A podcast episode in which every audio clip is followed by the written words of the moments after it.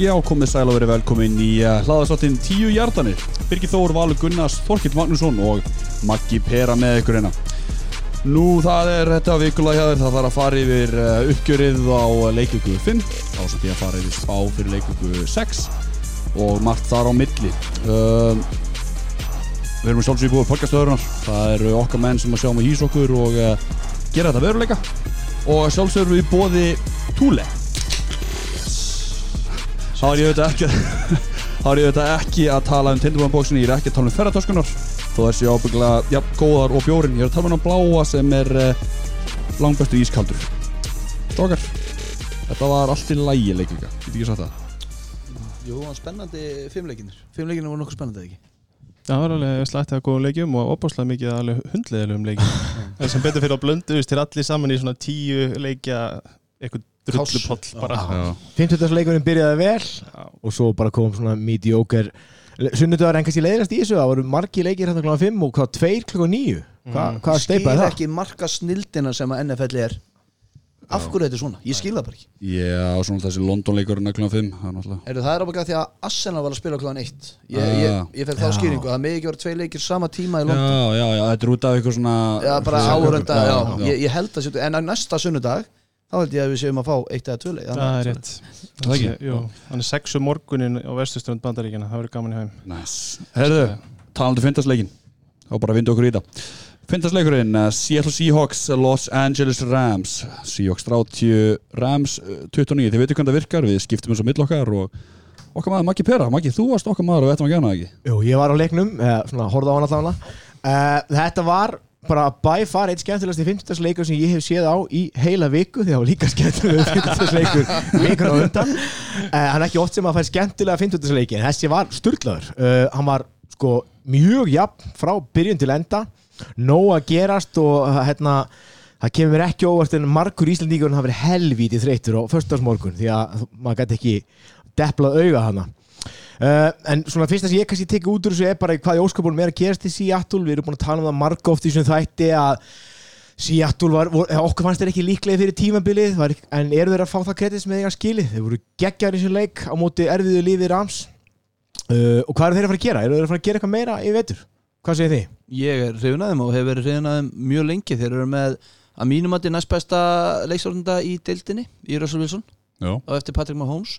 DK Metcalf er að koma fínn inn í hann Tyler Lockett virkar mjög fín og Chris Carson þegar hann er á sínu degi Mhm. þá er hann bara hörkur running-back vörn er að hvernig er vörn er að?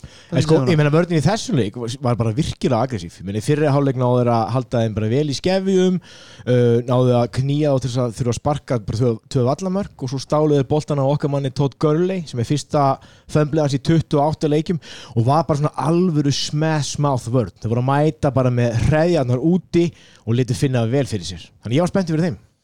Já, ég hef rauð ekki ég hérna er eins og rýð upp leikina svolítið svona síðan að var á síðasta fyndag en það sem ég man bara best eftir er bara hvað Russell Wilson voru að bóla þetta er besti leik sem ég sé honum bara í langa, langa mjögulega besti sem ég sé. Algjörlega, hann var geggjaður í fyrirháleik klikkaði touchdown á Lockett þegar hann dróð tærnari yfir línunni, kastaði líka á DG Metcalf hérna og svo var hann að hlaupa úr ógninni ítrykkað. Já. Ég hafði svona ágjörði kannski í upphæðu tímbil sem var ekki jafn svona movable eins og það er búin að vera ofta áður. En hann mætti hann, hljóp og hljóp og hljóp kom sér úr hættinni og stóð sér mjög vel Ég er nefnilega eins eins og þessu tölum við erum bara hrifnir á þessu síjóksliði Já. en hinum megin við línuna, Rams hvernig til dæmis Jared Goff hann er með ykkur að tæpa 400 hjarta touchdown og interception Já. var þetta hörkuleikur hjá honum með það? Við erum búin að tala um Gofflóti núna sem er í síðustu umferðum og svona, við erum ekki alveg vissi hvað við höfum hann en hann fekk samt mjög lítinn tími í vasanu núna Mm. náði að lúra inn hérna touchdownum og þú veist að ég veit ekki, ég er ekki ennþá neitt rosalega samfærður um það að hann sé elite, við notum þann frasa. Yes. En ég menna hann fekk alltaf borga eins og hann lít Já. Þannig að og þeir eru að fara að stikka við hann. Í, ókomna tíð. En sorry, ég sé komin eftir inn en talandi um elite, Todd Gurley. Já. 51 hjarti í 15 tilurunum 2 touchdown, hann hann er með 3,4 per carry. Það er auðvitað þeir voru að reyna að keira hann inn í prógramið, í mixið í þessu. Eftir síðustu auka sem var ekki alveg að að finna sig á móti hérna Bucks. Mhm. Allir núna er hann að koma inn í mixið, það er nokkuð auðlust þetta er bara Algjörlega. 51 hjarti Já, ég veit, þetta, er ekki neitt neitt þannig séð, það var svo auðlust hvað hann var uh, bara auðlust svona vellinum Mhm. og þeir voru konstantli að leita á hann Mhm. þeir voru eitthvað minni því að koma boltanum í mixum að kasta boltanum fast mér, þó svo ég við ekki það að Gerald Everett og Cooper Cup fóru bara yfir 100 hjarta Burtsi frá því, þá er samt að ég að menna það Þetta er eins og með Adrian Peterson hérna, já, já. skamma eftir byggum daginn Mér fannst sjást mikið í hann. Mér fannst sjást mjög mikið í Görlik kannski eins og ég, er ég bara fixated á eitthvað gæja. En að því að það var umræð um það vikun áður þá tók maður meira eftir því. En menn, við erum bara að horfa náttúrulega á það þú veist, að, menn er bara að tala um það að Görli vera aðalmaðurinn þarna og svo flottu, þessar flottu útterja sem eru með í, í Brandon Cooks og Cooper Cup og svona köllum en hvað haldið þið?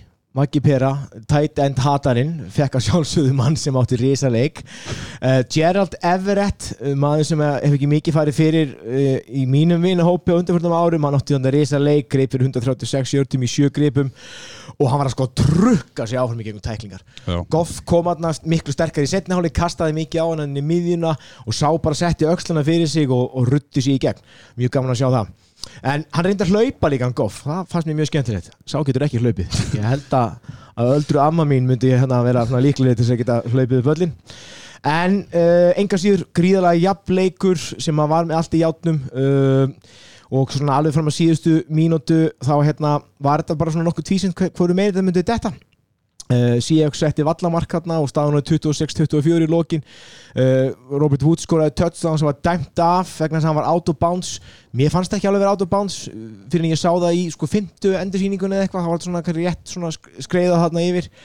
Uh, síðan Greg the Leg uh, setti vallamark og komum í 29-24 Wilson kastaði svona Chris Carson sem reip, rétt greið boltan, sáu þið það? svona rétt Já, svona tippaði upp með já, hendinni já, og svona tók það smá skopp og, og greip hann síðan uh, og Seahawks sildi sigurunum heim eftir rosalegt interception hjá Tedrick Thompson. Uh, bara alveg undir, þess- undir það síðast á rétt mörðu hérna, eh, rétt mörðu þennan, og Greg the Leg klúðraði síðan 44 hjarta vallamarki og í rauninni svona við draugum þetta saman þá var Russell Wilson ógeðslega flottur hann var með 156 sendingar í röð án interception á tímabilinu sem verður að segja bara eins og er þannig að við tölum accuracy hversu flottur hann er hann seti fjögur touchdown í leiknum og hann er komið tvo- 12 touchdown og 0 interception. Hann er búin að hlaupa rúm með 100 hjarta og 2 touchdown sem hann hleypir sjálfur. Ég hérna, talaði svolítið niður í Seahawks í byrjun tíumbil svo ég hafði ekki alveg trú á því líka hérna, ég hafði ágjör að sóknarlínuna er á, ég hafði ágjör að Tyler Lockett sem hættir sífur eitt og ég held að Dwayne Brown treytið sem þið gerðu við Texans hafi Mm. gerst alveg helling fyrir það því að þau þurfti ekki mikið, Russell getur bjargað sér og hann hleypur út úr vandræðum. Og Tyler Lockett er bara frábær vættir sífur eitt og hann er miklu miklu betri en ég hefði nokk tíma að trúa að hann er sko. Ég sem voru því, Chris Carson er búin að vera ógeðslega flottur í, í, í hlaupaleiknum og bara hérna gaman að sjá það. Og það var ógeðslega skemmtilegt eftir leikin þegar var takkuð viðtöð við Russell Wilson þá voru sko og ef að, ef að hérna, Christian McCaffrey var ekki svona ógeðslega góður þá held ég að við varum allir full on á fyrirlest Já, já, já. Já, ég ætla samt að leifa tímbil aðeins að, að matla aðeins en ég skil, ég skil hvað við verðum að fara með það, sko, Svona umtalið úti er, er, er meira Russell Wilson, MVP og, og Christian McCaffrey þó í öðru eða þriðja þannig að Nákvæmlega. Uh, eitt kannski, Gurley setti tvö touchdown þó hann hafi ekkert verið eitthvað ógeðslega góður. Uh, Goff, sjönda interceptionu sitt liðið með nýju giveaways í síðustu þreymur leikjum og þetta er frá að hætta þessu að vera alltaf að vera þetta ramslið sem við viljum sjá. En meiri við ekki að segja mér á leik. Já, þá höfum við það. Uh, Höldum áfram, þá farum við strax yfir á sunnudaginn. Það er New England Patriots fóru til höfuborgarinnar og kíktu Washington Redskins það sem að Patriots unni 33 og Redskins 7 Álur, þetta var, þú hefði gaman þessum leika ekki? Nei, ég hef ekki gaman að þessu leik, ég skal við ekki það, ég horfði á hann samt. En hérna, uh, já, sko, Washington kemst í 7-0 Og Ok, þú hugsaði alveg með þið býtu Nei, ég gerði það ekki. Steven Sims með rosalega touchdown hérna, alveg bara geggja touchdown sem ég verður að nefna. Ég hef ekki séð það, þá tjekkja á því. Því líkt múf hjá hann, en hann skiptir ekki öllum máli. Uh, Svo ég skora náttúrulega Petir og sér klikka á extra pointi en aldrei hugsaði nokkur einasta manneska sem var að horfa hann leik þetta getur þú leikur. Það er bara það er bara ekki séns. En hérna þannig að ég ætla ekki að ræða leikin per se. Þetta var bara típisk svona Petir og sókn sem að matlaði og kannski ég tala aðeins, aðeins meira um það eftir. Mér að reynd- nefna eitt ári held enga þetta er í fyrsta skipti sem að þeir hann að uh, Patriot sparkaði boltanum, Washington byrjar og Patriot tók leikli áður en leikurinn byrjaði. Það voru 15 minnur eftir í fyrsta leikluta og þá tókuðu leikli, ég hef aldrei séð þér Já, já, Það þetta- er örvilnun maður. Já, já, það er eitthvað panik á hérna Belichick. En hérna, um, sko Það sem ég tók út úr þessu leik er að Patriot sóknin hún er að matla já, Þetta eru þessir stuttuköst það sem að Edelman hleypur með hann svo kemur Sony Michel hleypur með hann svo kemur hérna Josh Gordon. Josh Gordon ef hann hittir hann þeir eru ekkert búin að ná svakalega vel saman þannig séð. Þetta er, þetta er bara work in progress. Og þeir hlaupa svo áfram 5 metra og svo hlaupa þeir áfram 10 metra og svo hlaupa þeir áfram 7 metra og svo fram með þess Hjarta, við tölum við í jördum fyrir geðu hjarta Tí- Tíu jörðóttir, sjára já, ég var að tala um 6 hjarta sko 5 metra þannig að það er já, já, já, einmitt. En allavega hérna en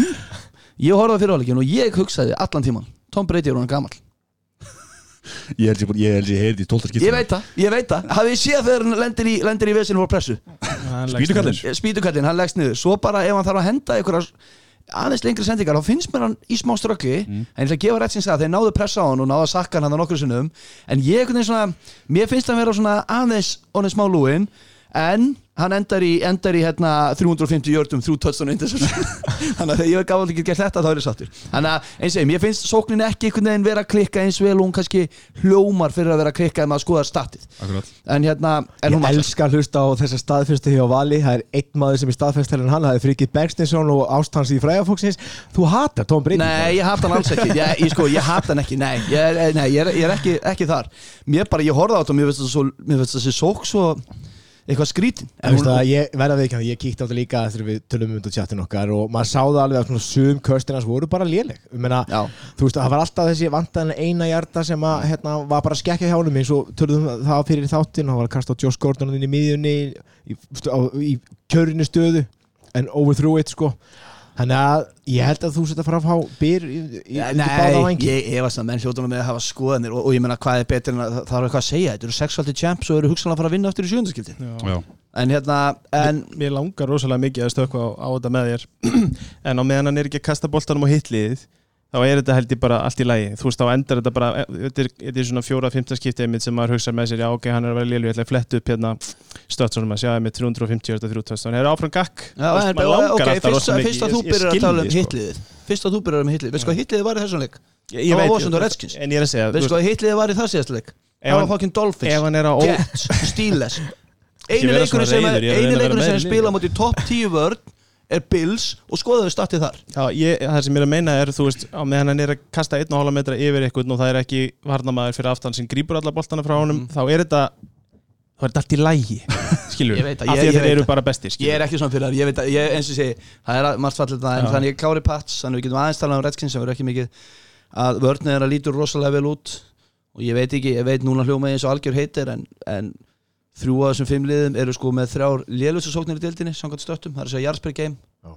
og allar endar er, er hérna, stílas 11. lélegasta Já. en Bills er líka í bottom 10 en aftur, ég, þannig að ég, ég Jújú, jú, ég veit hvað ég hef, hef Patriots að þi- út af Belichick og McDaniels aðna, og þú veist bara skíminu en aftur á mótið þá eiga er ennþá eftir að fá almennlegt test og standast það sóknarlega myndi ég að segja í sókninni Það er líka eitt sem við vitum, það er það ef að hérna, ef að knaspinu deild breyðablík og verður með Belichick sem þálfara þá væru við búin að reyka því að þetta er svo leiðilegt það er ekkit gaman að horfa á þetta. Þetta sigrar. Það er bara svo leiðis Þetta, þetta, er- þetta, þetta sem vinnur leiki, það er bara einfalt. En, en Redskins er, er eitthvað ekki bara Colt McCoy cancelled? Colt McCoy cancelled og Grútin er reikin eftir leikin Akkurat. Og Sláandi, við byggumst ekki við þessu. Þetta er ótrúlegt. En, en þú veist það er bara ekkert að segja um þetta lið. Þetta er hræðilegt lið og það var leiðilegt að horfa á það. Og hérna ég veit að það er að spila á móti besta franchise sögunar í NFL með besta QB hérna, hérna, coach combo sögunar og besta scheme sögunar en að ég veit ekki, það var bara, ég tók ekkert út úr, ég tók ógeðslega lítið út úr þessum leik. Eina sem þetta taka er út úr þessu bara grútin látið fara. Og sigur hjá Patriots. Já, og uh, bara gott að nefna Bill Callahan tekur við þessu, hann var aðstofa þjálfur í rauninni, sem að segja uh, og offensive line coach, hann er semst interim coach út sísonið Já, og, og heyrðu þið viðtalið við hann í morgun þar sem hann sagði við ætlum að treysta meira á hlaupaleikinn. Adrian Peterson er þar maður manna og hann mun fara heila 30 hjarta í leik Því lík veisla. Herru, það er ekkert að bæta við, bæta við ykkur þetta. Ég er með smá ónóta tilfinningu í maður maður því ég var að hrauna og segja við er breyti en satt er með þetta start en það verður bara á það. En er, er, er enn sann sem aður Patriots ósigraðir klálega, 5-0 það kemur ekki og Redskins ennþá þrótt og verða það 7-0 eftir tvær vikur. Bara það er bara svo leiðis þá byrja tímabilið. Akkurat, uh, næsti leikur er uh, er lestin. Er Buffalo Bills 14 fóru til Tennessee og unnu Titans uh, 14-7 Þessi lest hættir ekki að malla Maki Tjú tjú Lestin malar enn eftir lestateinunum og Josh Allen er við stýrið. Uh, þessi leikur var bara afskaplega leðilur en Buffalo vörnin er feikna sterk og halda, hafa haldið móturinn undir 400 jördi við síðustu 17 leikum og voru bara geggjaðir. Uh, en Josh Allen átti fína leik þegar skoðu svona prósentin yfir hefnaði sendingar hjá honum, hann með 72% nýtingu og 2 touchdown í leik sem er bæting. Hann er með 5 uh, touchdown og 7 interception á tímabilinu, rosalegt stats. En það kemur ekki sög lestin er að fara Þannig að ég, hérna, við höldum áfram að elska þetta flotta Ég vil náður nótunni Já, ég er mikið söngaði, sko Já, ok Ég, hlakka til að hlusta á þetta En hérna, enga síður Þetta er bara típiskur uh, Buffalo sigur Frank Bo Gore heldur áfram að hlaupa Og hlaupa og hlaupa Reynda bara með 60 hjarta En maður bara svona pláið sér áfram John Brown og Aisha McKenzie voru besti með þér útterjana En minni spáminn skoruðu snertimörkin Minni spáminn en Aisha McKenzie Hver eru það? Duke Williams og Lee Smith Eh, Ég hafði þið heyrt um þá eða? Nei, Nei. Uh, Já, ég ætla að þykast þetta eitthvað Lee Smith að baka eira en ég veit ekki hvað það er. Já, nákvæmlega, þetta er svona lýsandi dæmi um þetta, þú veist, þetta var ekki mikið eitthvað um hérna, köllu sem að bjóst við fantasy-væst að gera eitthvað. Uh, en Markus Mariota spólaði í skurðunum allan leikinn, hann náði að sleppa þó við enn eitt uh, leikinn án interception, hann er með 0 á árunnu sem er nú bara gott með hann.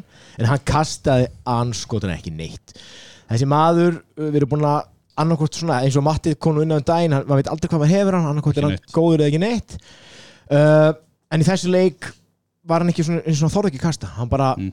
beið og beið og beið og beið skítrætti við bara kastvörðunina hjá Bills vantarlega sko. já, klálega, með 183 hjarta 0 touchdown. Uh, ekkert, ekkert interception, hann var bara ekkert að treysta sér að, að kasta, hann var bara skítrættu við þessa menn. Þetta, maður komið nætt að hérna, ég tók eftir fyrirleika Taylor Lewan sem uh, offensive maður að koma aftur inn í liði eftir að vera hann í bann eitthvað fjóruleiki það finnst ég skipta einu máli. Nei, já, ég vildi, ég vildi bara, ég vildi bara koma inn á punkt. Klálega Derrick Henry var áfram jarðitan þeirra var með 78 hjarta og 1 touchdown en engin útör í Titans gerði nokkuð. Skapaðan hlut til þess að heilla nokkuð mann. Þetta er mesta samansapn af meðaljónum bara sem ég hef séð. Sem svo fyndi að því sorry, maður ykkur Jú. þegar vorum að tala um að því alltaf byrtust bara þessi útherjar. Já. Corey Davis og, sorry, Mikeinn dattan á mig þetta var mjög fyndi hérna, Corey Davis og hérna, AJ Brown og allir þessi geggjuð út til Já, allir mættu og svo Þetta ágreinileg ekki, fyrir ekki, ég ætla að taka fram í þetta ágreinileg ekki bara við Mariota, við erum að segja hérna Mariota, spólaði skurðunum og allt það, þetta bara virðast við allir. Allir nema Derrick Henry, hann er alltaf í sinna 80 hjarta og mögulega eitt touchdown, restin einhvern veginn getur ekki tengt saman tvo leiki til að bjarga lífi sínu, nema tvo tapleiki. Já, nákvæmlega. Þú veist, þeir vinna einn, tapa tveim, vinna tvo, tapa einum, þetta er alveg fárálegt. Nákvæmlega, margir var hendi í Delaney Walker á Fantasy og það ger ekki nokkuð skap Nei. en uh, þetta var bara óbærslega leiðileg leikur sem ekkert meira er að segja um en þetta það var bara einfalt, þetta er bara, já, þú tvö leiðilega mætt já, ok, Bills ekki leiðilega, þeir eru gott lið. Herre, næsta leikur, það er uh, bye week Miami, Miami tapar 38-0 hvernig var þessi? Þessi var góður, þessi var er góður. ég er að, búin að býða með hans lengi. Nei, nei, næsta leikur er Baltimore Ravens uh, fóru til Pittsburgh. Uh, Ravens unni 26-23 stór divisionaleikur fyrir uh, bæði lið. 51. skipti sem þessi lið mætast. Staðan er 28-23 fyrir Steelers og alveg lift upp augabrúnum hann það var alveg fascinating stats. magnað. uh, season já, Steelers bara ennþá lausu lofti og eru ekki komast réttan fótinn raunni uh, nokkuð jafn leikur heilt yfir litið yfir tölfræði. Uh, eftir fyrir leikur voru bæði lið með uh, Ravens svona 80-80 hjarta meðan uh, Steelers svona 84 hjarta og overtime og allt með því fylgdi síðan leiknum síðan mér. Uh, sko fyrst sem ég að nefna er þetta, þetta jókið fyrsta er Wildcat og Jalen Samuels sem hann hérna fæði boltan beint bara frá center skambaldi hægri, alltaf að kasta. Þetta er, á sinni eigin 10-15 hjarta línu og það er interceptað skilur. Þetta var eitthvað lélasta sem ég, þetta er eitthvað lélasta play sem ég séð og ég skil ekki hvað play Skrítið líka að taka á þessum stað. Ég Ef það. þetta klikkar þá er svo rosalega mikið undir en, og Já. það er akkur það sem gerist, það klikkaði og það var bara allt í reyfins konið på Redson Og mála segja að þetta sé leikurinn að ykkur leiti Ég veit hann hefur þróast öðru en þetta er stórt play í leiknum. Akkurat. Ég veist líka Wildcat, ja, Wildcatið vera svona skrýða svolítið fram. Ég minnst ég vera að sjá það alveg og og óþægilega meira. oft. Já, já, já, og bara ég sá Kristján McCaffrey reyna þetta. Já, já. og, veist, og hann alltaf fann ekki neitt og sko sendingin sem hann er að reyna að kasta hann boltanum frá sér Já. ef að það er það sem að átt að gerast guðminn góður já, sko. já, já, nei, nei. Uh, Svona alltaf bara ég ætla að koma inn að Mason Rudolph. Hann lítur alltaf lagi út. Þú veist, Þetta er ekki, þetta er ekki Minshew En þú veist, þetta er ekki Nathan Peterman skilur Þú veist, hann var ákveðin sinni aðgjörum, hann var yfirvegar og langt á því að var góður leiknum svo þú segi, en samt sem að þá fannst mér að góða spöla, þannig, góðan spöl at times. En ég trú á kauða. Uh, gott að nefna þetta fyrsta touchdown í þessum leik fyrir Marquise Brown, síðan á móti Miami. Og og finnst Kast Mojo hjá Lamar Jackson á að dala frá því í byrjun. Ég sammála því. Það ekki, Jú, hann var svona fyrsti leikur var statement. Á móti mm. visslega móti Miami prísisum leikur með 5 eða svona að segja. Hann bara dundrar og hleypur ekki neitt. Svo núna er þess að byrja að auka hlaupinu á mér. Ég vil sjá meira, ég vil fá kasti aftur sko. Uh, að því, veist, hlaupaleikurinn er náttúrulega klálega kennileiti á Baltimore með Ingram, Gus Edwards, Lama Jackson og allt það. Uh, Lama, Lama Jackson hljófur í 70 hjarta Já. og næsti maður eftir á með fjö- 55 eða eitthvað. 44 44, Já. markingarum já, akkurat. Ég er eiginlega ennþá bara, þú veist, ég veit ekkert ennþá hvað ég hefur Ravens lengur, sko. Ég, Eftir þennan leik, þó að þessi sigurleikur. Ég, ég, mér finnst þeir svona annarkvort eða leik ennþá, sko. Mér reyndast, mér er svolítið eins og lýsi að fara að lesa á bara. Já, já, já, já, já. en að því að þeir loka bara Marquise Brown og svo kemur Mark Andrews með hlaupin og tætandi þeirra og þeir loka það þá er að hleypa Hann hann er hálf mittu líka, hann er alltaf questionable fyrir alla Já. leiki og er eitthvað svo slappur hann að uh, Anna líka sem ætti að vera questionable er TJ Watt eftir stiffarmin sem hann fjög frá, frá Lamar Jackson það var alveg stiffarm á geðvikt uh, einnig búið stíl bara inn að þú veist, 19 hefnaða sendingar hjá Lamar fyrir 161 hjarta 1 touchdown, 3 interception. Veist, þessi 3 interception er ekkit eitthvað sem að hérna ekki, ekki tólkast 3 interception eins og hann verið lélugur þetta voru alveg, var alveg svona steikt köst 1 held ég, hitt var eitthvað bara svona óöfni í runni sko, svo náttúrulega er að höggi sem eins og Rudolf fær og rótast Rosalegt. Hann var í annari vít þegar hann vaknaði sko Ég held að hann var döður ég, ég, ég, voru, Þetta er eitt, eitt af fáskjöld sem maður hugsa Heyrðu hann er úr svona dáin Ég, bara, ég horfði Óvenjulega framan í hann í endur, sko, fyrsta lega endursýningarnar voru sko, fjórar eða eitthvað. Og það var ekki ennþá ég var ekki ennþá viss hvort hann væri lifandi. Augun á honum einhvern veginn flöktu bara aftur og þú veist, á honum. Þegar Alveg. þegar ég- þegar þú segja við félagann sem ég er að horfa að leiki með heima Jú, bringar hann fyrir upp og niður, hann er Já, anda nákvæmlega Þú settir bara súkulaði í munnuna þegar áður þú fórst í þessu setningu en, að, en líka svo líka Juji að hljópa að hann og að virtist líður hann kannski dramatist hvernig hann Já, það var hágrátandi Þetta var mjög en ég meina tragedist að þetta hafi ekki verið bara svona Jú, ég held að, þetta sé klálega. brent, brent lið sko. Klálega.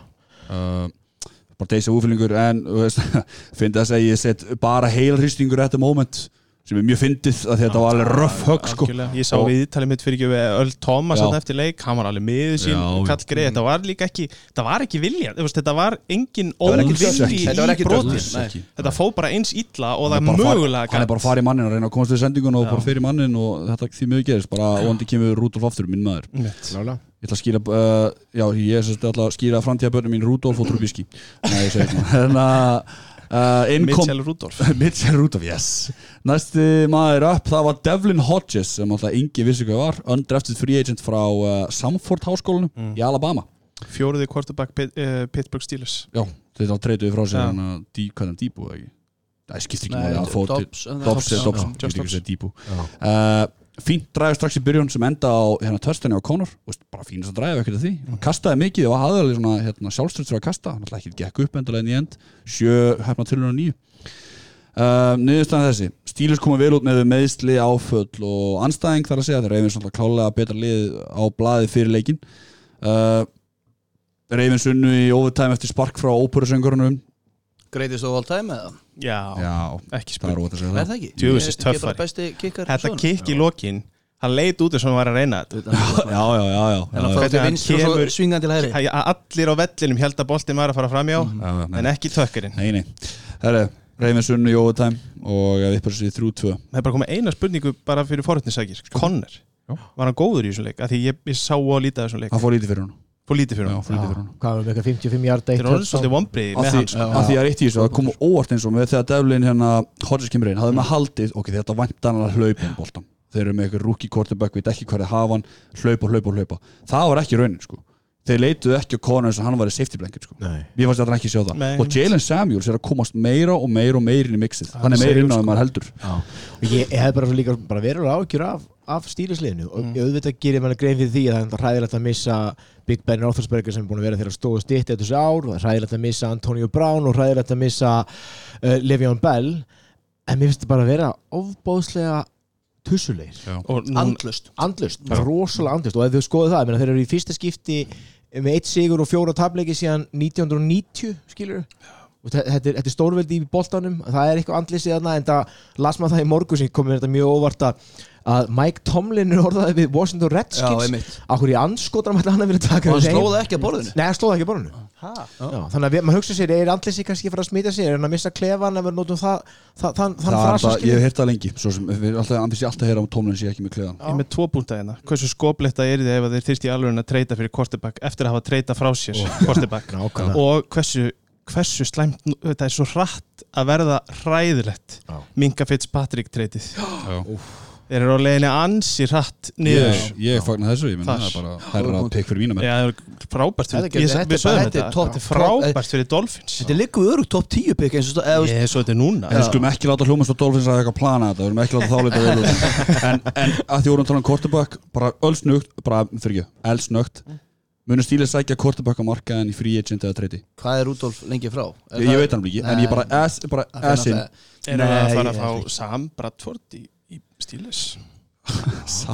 Á hann Ég var ekki ennþá inni einn ein skítasamling Ég var, viðbót var alveg til að sjá hann koma þarna. Bankabókin hans Væri má það nú ekki vera neitt stærri Er- sko. er- stíles að fara Hver er stíles að fara að bjarga með því að henda fleiri pikkum í eitthvað Ég er bara- quarterback? ég er aðalega að hugsa að það þarf náttúrulega einhver eins Johnny og- fútból maður eins og það, þarf einhver að vera að bakka upp hjá þeim Já.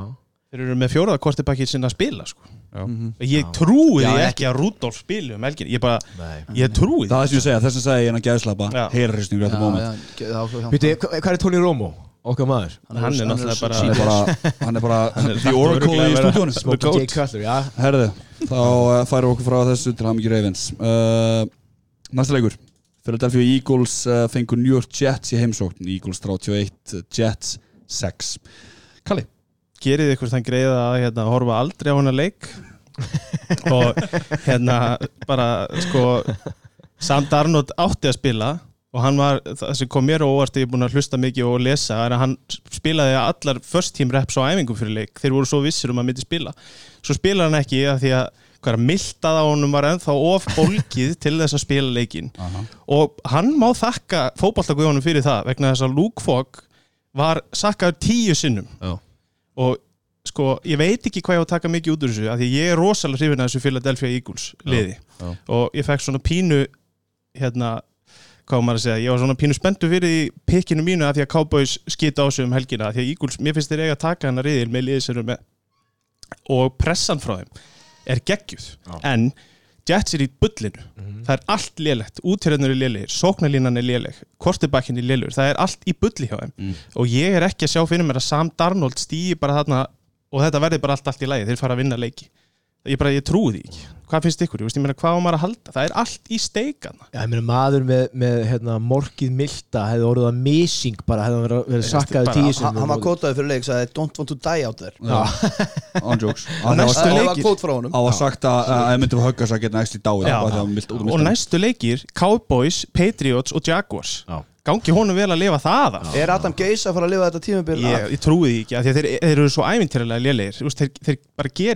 veist, þeir, eru officially, ég las eitthvað stats lélegasta sóknin síðan 79 með 3,1 yards Já. per attempt eða eitthvað. En samt eigar að hafa vopnin til Að þess það er að málið. betri. Og þess vegna veldi ég fyrir mér er Greg Williams að fara að taka við aftur sem interim head coach? Er gerði fína hluti fyrra. Það er góð myndur Kristján McCaffrey með fleiri hjartaldar en Jets Já. á árinu pælum í því maður. Það er Það er rosalega magnað Herru, maður leiksins fyrir mér er Brandon Graham, hann var rosalegur í þessum leik, það er hérna í varnalínunni hjá Eagles, þrjú saks og þeir bara, þeir stoppuðu allt sem Jett reyndi, vent sko, það er svo erfitt að dæma hana þessu leik, þeir hlupu rosa mikið, vent sem er 187 hjart og touchdown, hann þurfti bara ekki að gera neitt.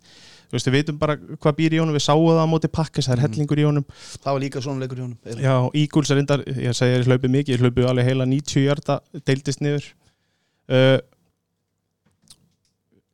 Hér, hérna, Eagles er, er frábært lið og ég hef sagt að áður en stærsta vandamáli er, er aftasta varnalínan og það er alltaf verið að tala um Jalen Ramsey. Ef hann fer þarna þá, þá eru þeir á leiðin í Super Bowl fyrir mér.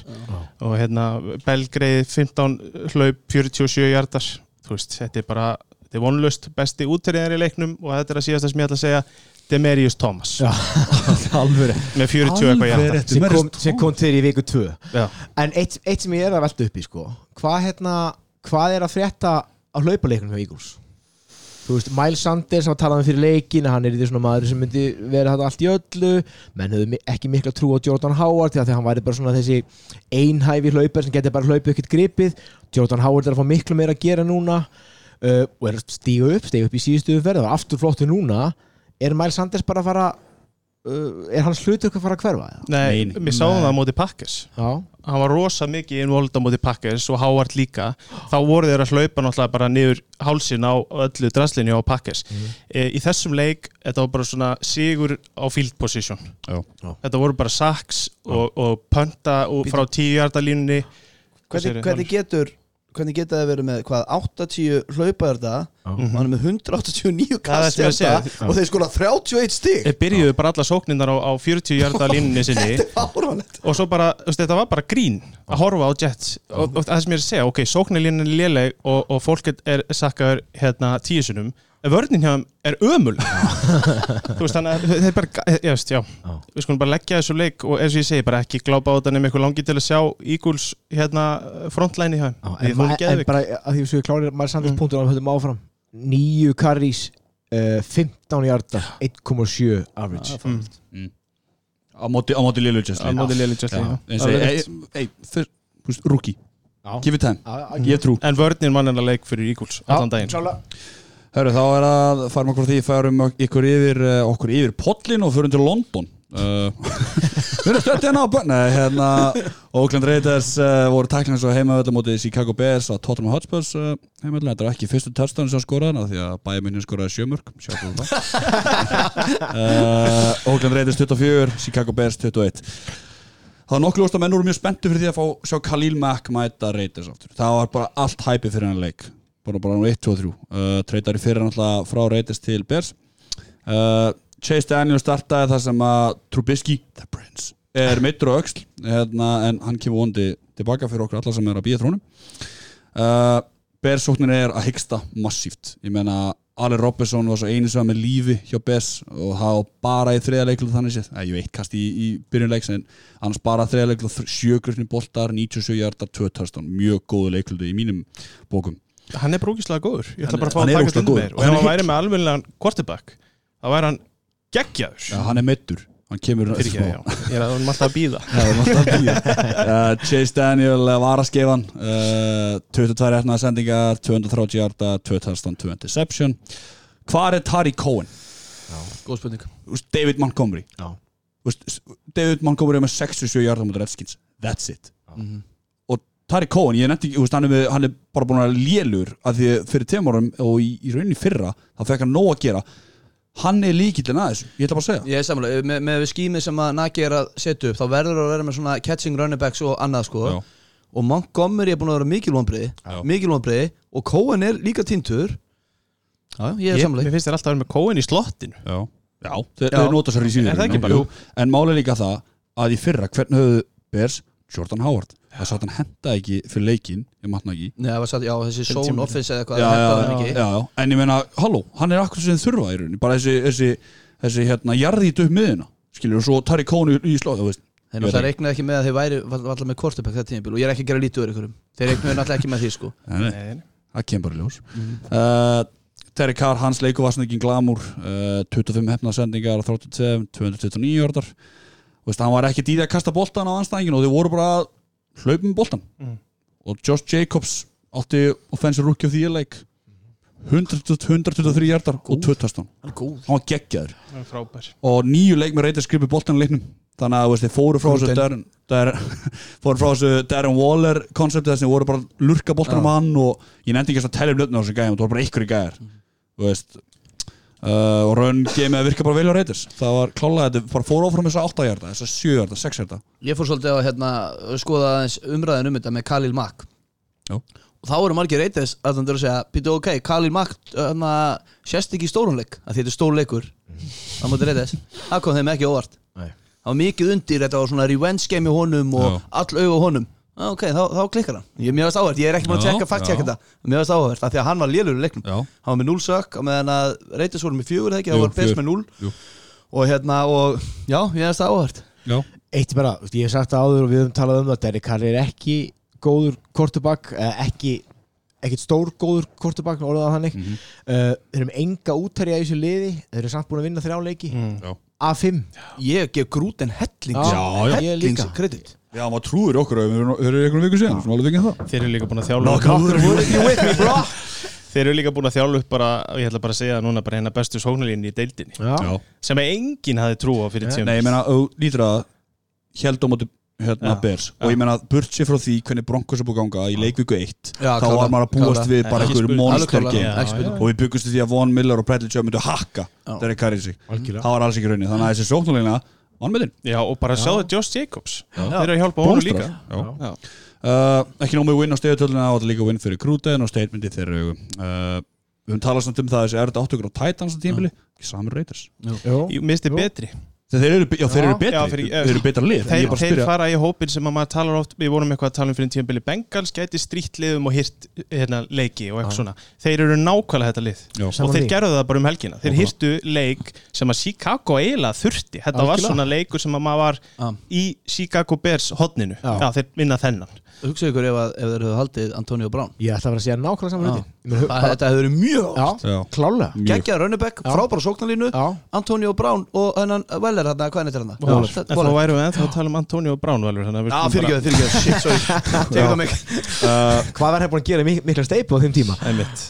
Færum okkur frá London baby. Þessi góð líka Nei. uh, ok, það ætti þessi hérna færum okkur við frá þessa móttu sem fer á eftir þetta uh, förum við til New York þar sem að New York Giants uh, fengu Minnesota Vikings í heimsókn. Giants 10, Vikings 28 valur. Já, ég var hérna, ég fór til New York og hérna Það er allt búið ruggli hjá Vikings fyrir hennar leik. Diggs bara að byggja um allt nema treyt Hann mætti ekki á okkur að fundi Slefti æfingum sem að gera það verkum skilsmið samkvæmt reglum NFL að Vikings hefðu getað veifa guaranteed money. Þekkið þið það betur en ég? Já, þeir eru að geta sleft í að borgunum guaranteed Já, money ef hann, ef hann hefði eitthvað farið annars Já, svona, já. þeir ákveða að gera það ekki og hvað gerir hann já, og sekt, sektu hann bara. Já, og hvað gerir hann strax inn í klefa? Bara ég vil ekki fara neitt, ég er sáttur. Mm. ánað með það að fengi sína guaranteed money. Nei, nei ég, já, ok, já, en þegar hann segir það Já, þá les maður á milli línuna að hann sagði það ekki. Ekki hann blikkaði það var alveg sko Já, en hérna all- allavega þá er, hérna, er búið að vera vesen á, á sendingarleiknum hjá Vikings og í raun og veru sóknarleiknum. Um, og svo bara byrjaði þetta og Cousins hendi og hendi í leiknum til að byrja með. Uh, og hendur á Diggs sem enda bara með 44 er þetta en hann finnur Thielen aftur sem er eitthvað. Og hérna hann var í einhverju podcast hjá sér að byrja hann afsökunar sem mér veist mjög skrítið. En hérna hann finnur Thielen og hann enda með þú veist 130 hjarta á eitthvað touchdown. 2 touchdown minnum mig. Já. og leit vel út 360 hjarta og 2 touchdown á Cousin en hérna innan svona skilnar að starta með þetta. Er til hlutu sem heitir The Kirk Cousins Podcast? Já, nei, já, hvað er það? K- Kurt Cousins Chats eh, ég man ekki hvað heitir, það er eitthvað frá það er eitthvað sem ég er ekki að fara að fletta. Sáttu þeir bara tveir stúdíu og já, hann bara afsökun. bara fyrir ekki herru, ég er bara, já, ég er bara sammálar ég er bara að byrja the fuck? Ég nenni ekki að um Cousins. skrítnasta sem ég hef heyrt. En hérna, en eins og ég segi, ég veit ekki hvað við getum tekið út úr Giants. Það er að segja að Giants leik vörnir er mjög lélega eins og við höfum margóft talað um hérna og sekundir er mjög slagt erum við ekki allir saman á það? Jú. ok. Uh, Cook enda með 132 hjarta í rushing og 86 í catching. Ekki en hæ, Fömblaði að fömblaði, já. En hérna, en mér finnst þetta ég hef sagt að Margot, mér finnst þetta besti rannvækildinni eða einna, það er Kristi Makaf líka, ok? En hérna, eins og segi, vörnin er ekki góð. Uh, það sem er í gangi á Vikings að mínum að því, sóknni er að þeir eru með rándina á vætri sigur, þeir eru með rándina á quarterback, þeir eru með tvo rándina á vætri sigura en besti leikmæður er, er, er running back á rúkisanning og, og þannig að auðvitað notar hann en þá ertu ekki að nota vopni sem þú er búin að borga fyrir. Og svo sóknarlina það er náttúrulega ekki nógu góð. Sóknarlina Giants var léleg þeir voru, þeir voru svolítið dæmalösir nei, dæmslausir í þessum leik því að hann var ekki nógu góður hann Danny Dimes. Hann var með 180 hjarta touchdown og interception. Danni Þessi var eiginlega dæmalösi bara óþægileg Danny dæmalösir í þessum leik. Það var ekkert í gangi og hérna þeir eru bara ekki með gott list Nei. Þeir eru Redskins og Bucks og vissilega unnu Bucks á, á field goal í lokin. Bucks en, er fíntlið en meina, Evan Engram uh, var ekki, ekki mikið að frétta þarna í honum. Golden Tate var að koma tilbaka gerði ekki neitt. Nei. Ég veit að leita hann einu sinni nokkur sinnum í hvort hann var inn á Já, og hérna þetta hefði getið verið statement leikur hjá Giants á múti Vikings og heimaðall og gert eitthvað en þeir gerði ekki neitt. Og, og því fór sem fór og Vikings vann bara það sem þeir gera eins og ég höfði talað um að þeir vinna liðin Vikings er líka bara eina af bestu vörnunum í deildinni. Já, og- það svolítið sko. Já, og það er nefnilega, hún, hún fer svolítið undir reytirinn í NFC North út af Bears og Packers akkurat núna. Já, algjörlega. En ég velti fyrir mér ef að Kirk Cousins heldur áfram að bæta sig svona, hann var flottur þessu leik og bara kastaði vel, rúmlega 300 hjarta á hvað það var Eh, ef hann næri að fara að kasta á svo flotta útherja og hlaupaleikurinn með Cook og Mattisson heldur áfram að vera svona öflugur þá er þetta lið bara líka til alls. Já, ég bara held að það sem að standa í vegi fyrir því er sóknarinn hjá þeim. Hún er Já. svo léleg og hérna ég held að hún muni vera svolítið hún muni, hún muni ruggla svolítið hjá þeim sko. Mm. og hérna, og þú veist, eins og segi, þetta er Giants vörðin Já. og þetta er það sem að Korkossis var alltaf gert. Hann vinnur á móti liðlunum Já, samanlega, maður tekur kannski ekki mikið út úr þessu leik. Ég held samt ennþá, svona bara á pappirnum er Vikings allavega næst besta liðið Sa- í NFC North. Samanlega því. Jæja, þessi Nei, leik ég veit ekki alveg. eins og Valur sagði þessi leiku var dæmalaus Þetta var rosalega popparandri. Það á Já, fjögur börn. Já, akkurat, já. Pappin í, í hópnum. Það þú er enda líka. Já. Já, Maggi. Uh, Tim líka, wow, ok. Nóum pappana í hópnum. áttu ekki von á setti eða? Þú ættum að vera tveimur, kallið minn? Tvíleipan. Já, fyrir lustum sem veit ekki þá er ég voru á týpurum Við vorum til hann ekki á Twitter eða Facebook takk. Hérna, frá týpurunum mínum yfir í New Orleans Saints Fengu Tampa Bay Buccaneers uh, Saints 31 Bucks 24, Kalli Já, aðeins skemmtilega leikurinn á hann. Uh, bara virkilega svona hvað ég segja, þetta var bara svona fín leikur. Hann var, uh, sko, loka niðurstaðan segir ekki allt sem segja uh, svona þarf um hann. Uh, Tampa skora touchdown á loka sekundunum sem að þýra leikunum fer 31-24 en svona overall er ég bara virkilega impressed með Saintslið og Teddy Bridgewater þú veist, ef einhver hefði sagt mér að hann myndi ná þessum út úr þessu liði á, hvað er þetta, þriði leikurinn sem hann spilar. Já. Drew Brees er að koma í áttundu eitthvað svo liðis þetta er virkilega samfærandi og ég ætla að gefa honum minn túle leikmann vikunar, ekki spurning. 314 hjartar og fjögur touchdown. Reyndar eitt skýta interception. En hann og Michael Thomas eru búin að finna konan annan, það er bara klást Thomas 11 grip, 182 hjartar og 2 touchdown.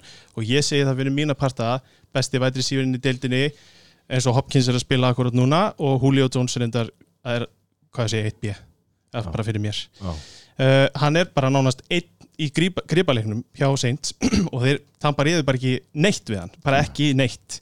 Uh, Teddy er svo, hann er svona skinsamur hann gerir ekki stór mistök og hann er bara svona flottur kortebakki í þessari deild. Hann er langt um betri en margir aðri sem að er að starta hjá sínum liðum og, og ég hugsaði með mér hvernig allir Tampa Bay væri með hann ef hann væri undir sendir hjá þeim.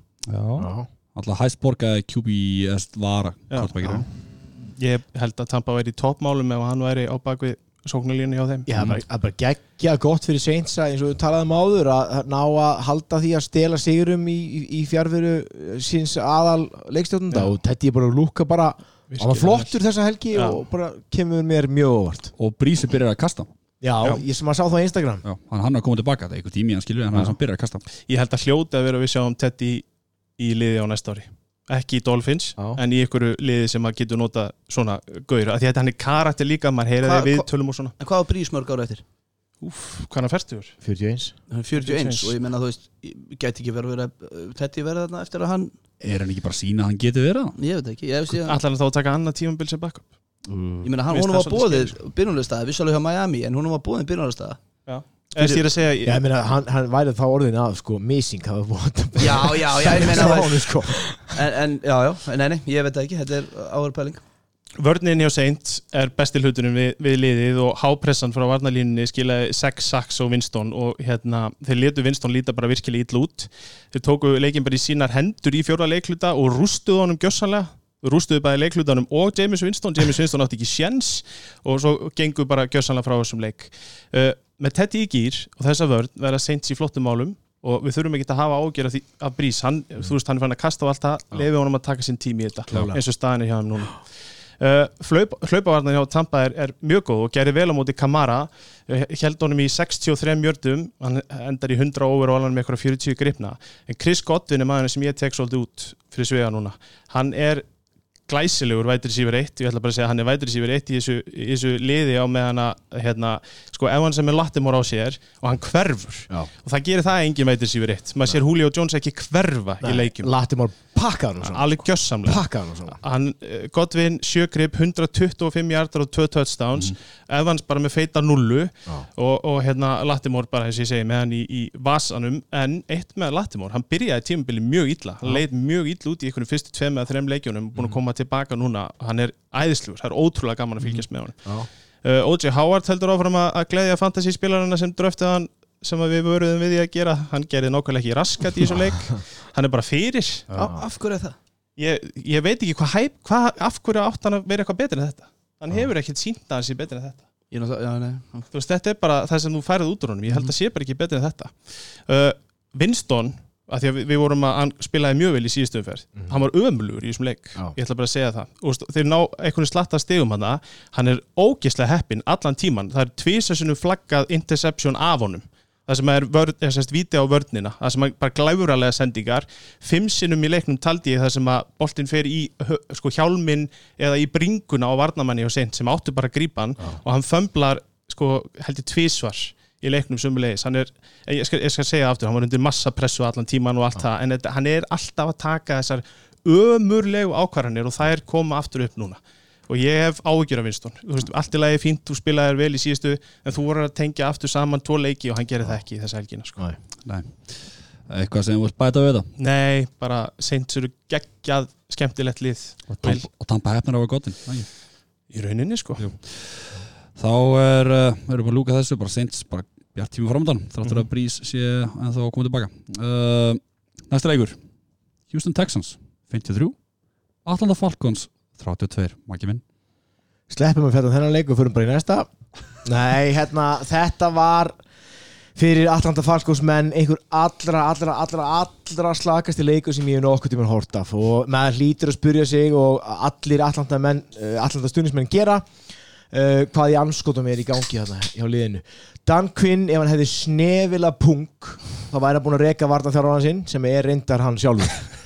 Hann ákvað fyrir þetta tímabil að taka við þessum varnar kolli og hefði búin að vera vægarsátt ömulur hann var ráðan til Atlanta sem varnar sinni kemur frá Seahawks, búin að búa til uh, geðveika vörn í Seahawks uh, þar og hérna kemur inn út af hans varna þekkingu og síðan hann kom 2015 var Atlanta með 20. aðra bestu vörnina, svo 2007 20. aðra og 31. í fyrra og núna heimaskýtaðir. Þetta er lélegasta vörnin í deildinni. Það skipti engu máli hvað var kastað, hvað var hlaupið, hvað var gert hugmyndasnöðir og skelvilir.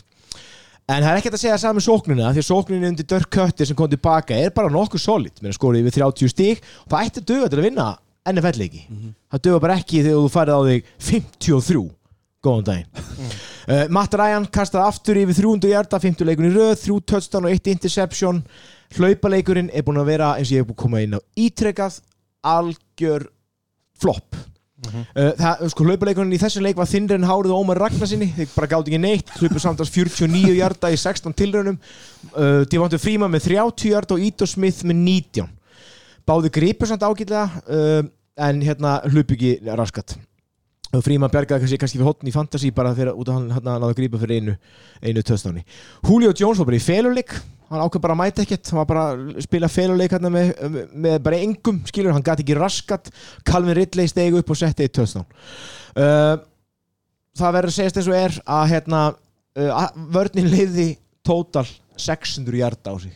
Það er ótrúlegt. 600 hjarta ég skrifaði hjá mér, þetta var eins og að horfa á mattin já, þetta var bara galopin fuller út um allan völl. Algjörlega. Og ég, ég hef ekki séð svona sko, varnalínan hjá Texas er búin að vera þeirra helsti ókostur. Já. hann er allan tíman í heiminum já, til að finna fuller eða bara hvert sem hann langaði til að kasta og þetta eru bombur upp allan völlin þetta var ótrúlegt að horfa á þetta. Klála ég verður sóknarlínan hjá Texans við erum búin að tala um það áður sem að arfa slök og búið sakkan endalaust.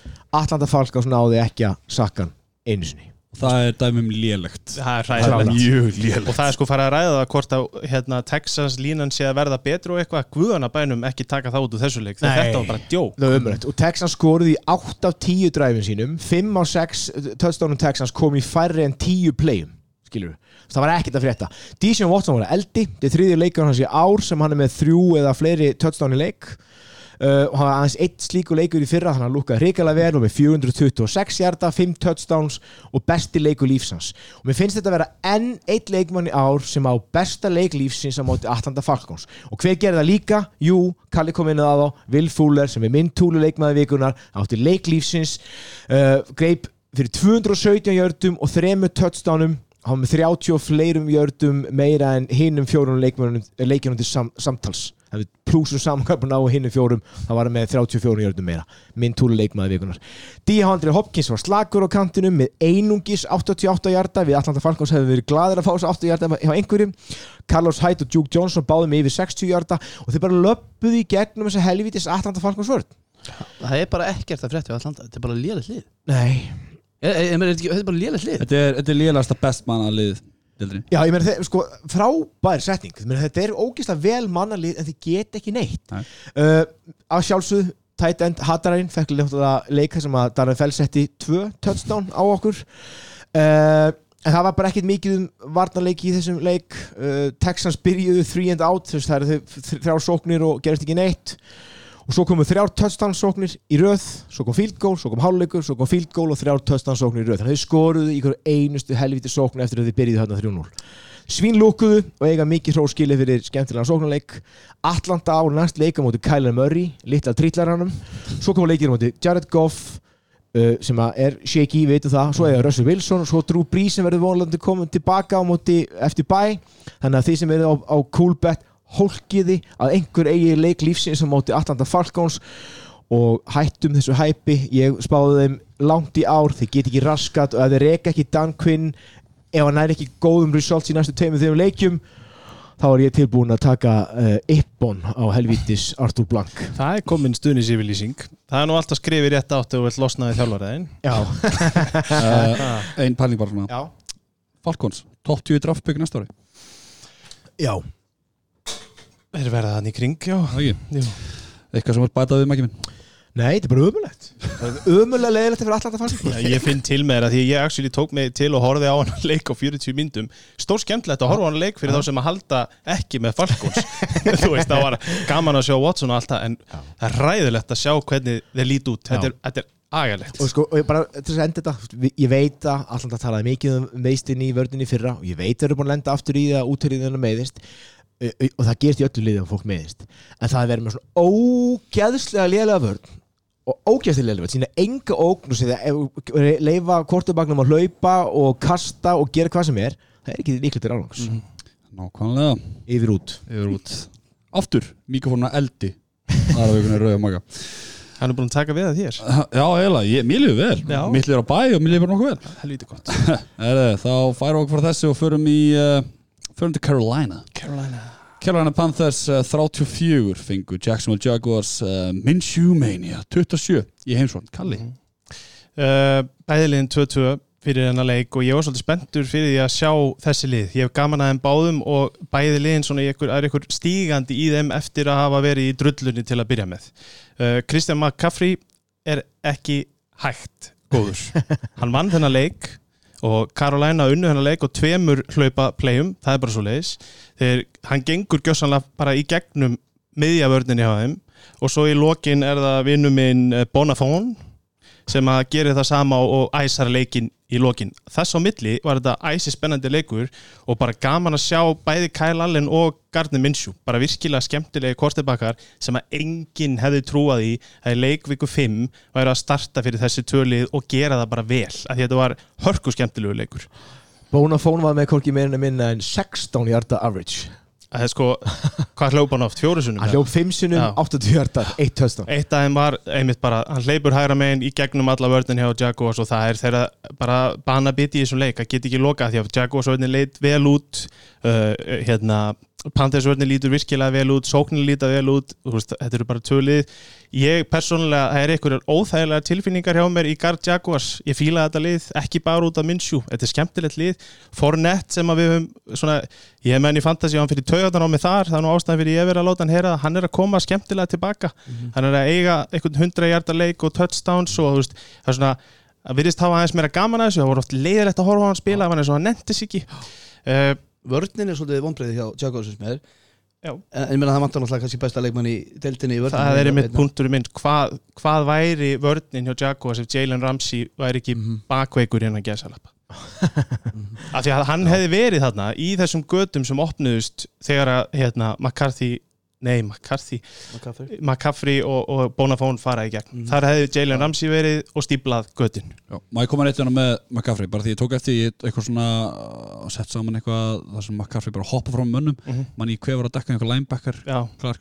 þetta er bara fáránlegt sko. þetta er fárulegt hann bara svona val hoppa frá mjög hann er bara svona að sjá parkett í handbóltaskó aftur og aftur og aftur og Já. aftur. Og menn líta bara svítl út á mótor þetta er nákvæmlega, hann er að hlaupa hann er eins og hann sé að fara út af, ég veit hvað að tala um og hann Já. bara svona pinta sig inn á og þú sér varnamanni bara svona, æj, æj, skauta bara út af og inn í hliðalínu. Uh, hvað var að gerast nú er ég með spurningu til ykkar hjá Carolina með Cam Newton? Ef að þetta er það sem tekur við þegar þú setur backupin inn á. Já, að er vist bara að hjálpa Kyle Allen fullt hann er bara að taka fullt af reps með honum Ja. bara hérna á æfingum og sem er ekki sjálfsagt í rauninni Nei, það nei. er þetta bara quarterback barda í Ja. nýjend og ef backupin er að sína góða takta versus Cam Newton þetta, ég veit þetta er Cam Nei, Newton nei, það er á- það er og að því Cam Newton er vist að gera fullt bara fyrir Kyle Allen ekki að bæta sjálfsagt. hans leik það er alls ekki sjálfsagt sko.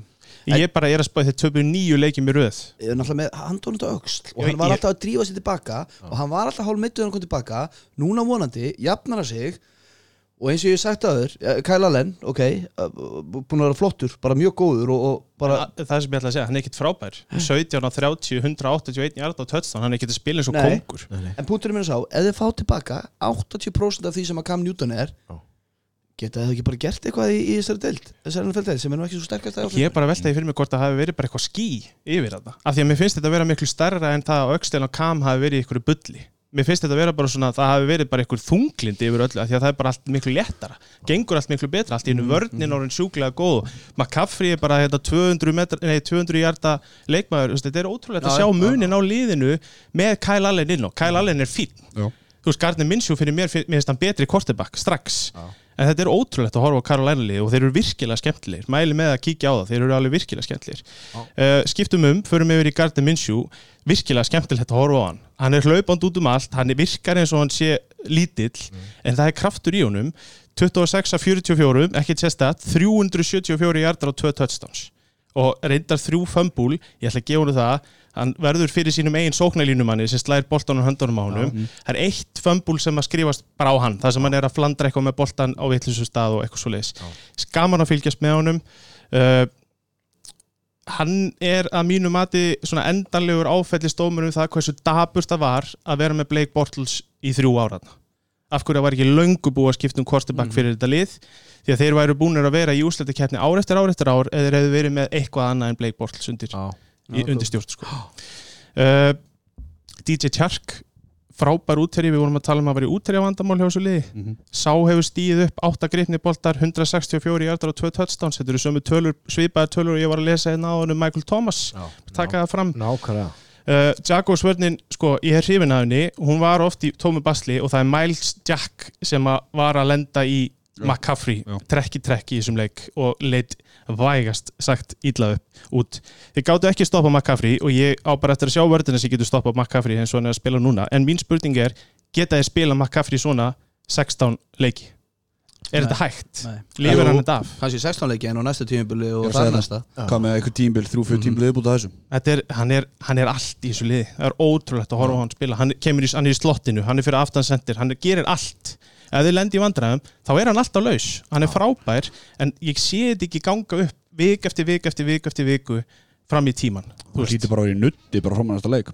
Já, er Ég alltaf meina, þú veist, hann, hann er búin að spila 5 leikja tímbilinu, hlaupa 587 hjarta, hann á best á ferlinum 1098, með þessu áfumhaldi er að fara að sprengja öll stött, skilur sem að, sem að hérna, voru búist við á honum. En það er trist mikið á hann Mhm. og það þarf nú ekki nema bara eina ljóta tæklingu til þess að fara illa með það en ef hann helst heill, guð mig góður ég er sammála því ein pæling, samt, sorry, ég skrif fram fyrir Nei. Kalli uh, bara þegar þú tala um Gardner Minshew mm. Nick Foles, þegar hann kemur tilbaka er hann QB1? ég er að vona ekki ég, ég get alveg séð bara fyrir mér uh, bara eitthvað trade action, ég er Já. ekkit endilega að tala um það, get alveg haldið fóls og reynda að losa sig við Minshew en ég er miklu hrifnar af Minshew þú veist bara, ég hef séð Fóls Já. Ég veit hvað hann getur, hann var frábær í best mannaða liði deildarinnar þú veist, hjá, hjá Eagles. Já. ég veit ekki hvort að hann væri að gera það sem að Minshew er að gera, ég veit það er hæp í kringum hann en hann var að spila á móti frábæri vörð og leiti virkilega vel út. Ég veit ekki. Hvað finnst ykkur? Ég veit ekki, ég, ég, eins og ég það bara að sjá það bara greið fólks Já. Ég ætla að taka tvent út úr þessu. Ég hlakka til að sjá hérna, uh, Panthers með Cam og ég bara byð fyrir því að Jalen Ramsey komi aftur til Jaguars og fari ekki eitthvað annað af því að þetta er æðislegt lið ef að Jalen Ramsey kemur aftur tilbaka. Já. það er bara svo lis Hörru, frá þessu farum okkur yfir í tvö lið sem að voru ekki með neina sigra þannig að annar lið þurft að vinna, það gerist í NFL samt ekki. Uh, Cincinnati Bengals 23 fengu Arizona Cardinals 26 í heimsókn. Maggi? Já, uh, það er sko það er nú bara hérna, segja alveg svo er að Jæja, Denver Broncos og móti loðlag það var erfitt að horfa þennan leik og ég er búin að vera bara með krumpaðan maga hérna í, í marga vikur út af þessu Bengals liði og, og, og hvað, hvað sé að gerast þar og ég kem betur um það eftir. En þetta var fyrsti síguleikur Cliff Kingsbury í NFL-deildinni, hann var fengið inn sem svona QB klappari eftir að þjála menn eins og Case Keenum, Johnny Football, Baker Mayfield, Patrick Mahomes og síðan alltaf Kyler Murray. Murray hafði fyrir leikin kastað fyrir fjórum touchdownum og fjórum interceptionum og það statt breytist nákvæmlega ekki neitt hann kastaði fínt en náði ekki snertimarki nema einu sem var svona ég segi ekki hljópir, þetta er svona trítlaðinn. Uh, hann síndi þess að krútlegu stuttu fætu geta trítlaði böllin og ógnarhraða. Hann var öskufljótur og það, það, það skapar usla í, í hérna sóknuleikunum hjá þeim. Hann hljóp bara að varnamenninu afskaplega ítlu upp, hljóp fyrir 93 jördum og einum töstáni uh, hann hljóp fyrir fleiri jördum en David Johnson sem var með einn- 91 jard og ekki töstán og hlaupaleikurinn var mjög ábyrrandi Chase Edmonds hljóp líka fyrir 68 jördum og einum töstáni uh, David Johnson sem ég er búin að spyrja mig mikið um bara svona hvað sé að gerast? Þú veist, hann er svo mistækur og mér finnst hann ekki vera svona sjami, sterki öflugi traktorinn sem að maður var að vonast að myndi vera og ég veit ekki hvað er í gangi. En hann hljóp fyrir 65 jördum og svo var Larry Fitzgerald flottur. Meira er ekkert að segja um þetta blessaða kardinalslið, þannig sé uh, hérna, rauðir yfirlin var án John Ross og auðvitað AJ Green og þurfti að treysta á Tyler Boyd sem gæði fyrir 123 jördum og einu töðstáni og Joe Mixon hljóp vel fyrir uh, hljóp fyrir hund, tæpum 100 jördum en laukurinn var alls ekki mikið fyrir augað uh, og ég veldi bara mikið fyrir mér uh, hvað er að sko, að við vitum það að Marvin Lewis hér hvað lengi hjá hérna, hjá uh, Bengals. Bengals sko áður var rekin sem mediocre lið sko en Zach Taylor hefur að mínum að þið bara verið afskaplega óspennandi. Kalli og ég töluðu saman fyrir leik. Kalli, hvað sagði þú? Sko ég, ég var ég, ég reyndi að verja hann eftir fyrstu umferðina af því ég var búin að rappa yfir hann í, í þegar við vorum að kynna liðin til leiks.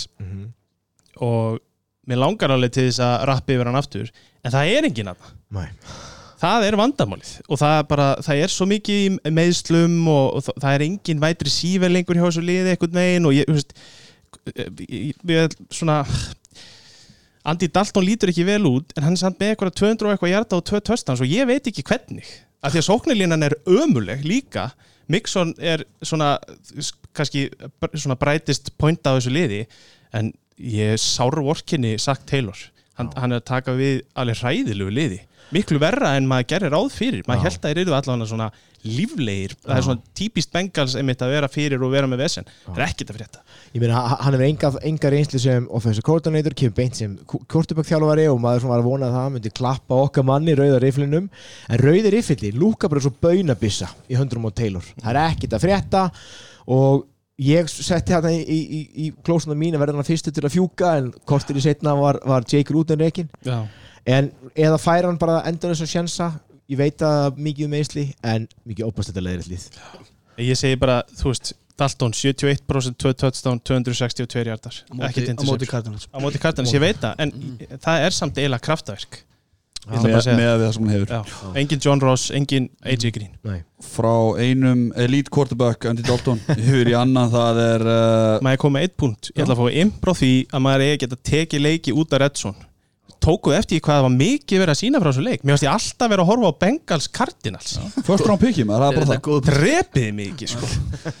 Já, uh, vondi fá ekki meira af þessu frá Red Zone uh, Það var á fyrsta sundarsleikurinn Los Angeles Chargers 13 uh, fengu Denver Broncos 20 í heimsók Já, ég var hérna, ég hérna uh, eins og segja, nú kannski ekki mikið þetta, eða jú, jú, við getum svona tekið út úr þessu leik. Hérna, þetta er fyrsta sigur Vik Fangio hjá Broncos uh, ef við talum sem Broncos, mér finnst vörnum var að vakna þeim, við vorum reyndar ekki með neitt sakið í þessu leik, mér finnst þú var að vakna.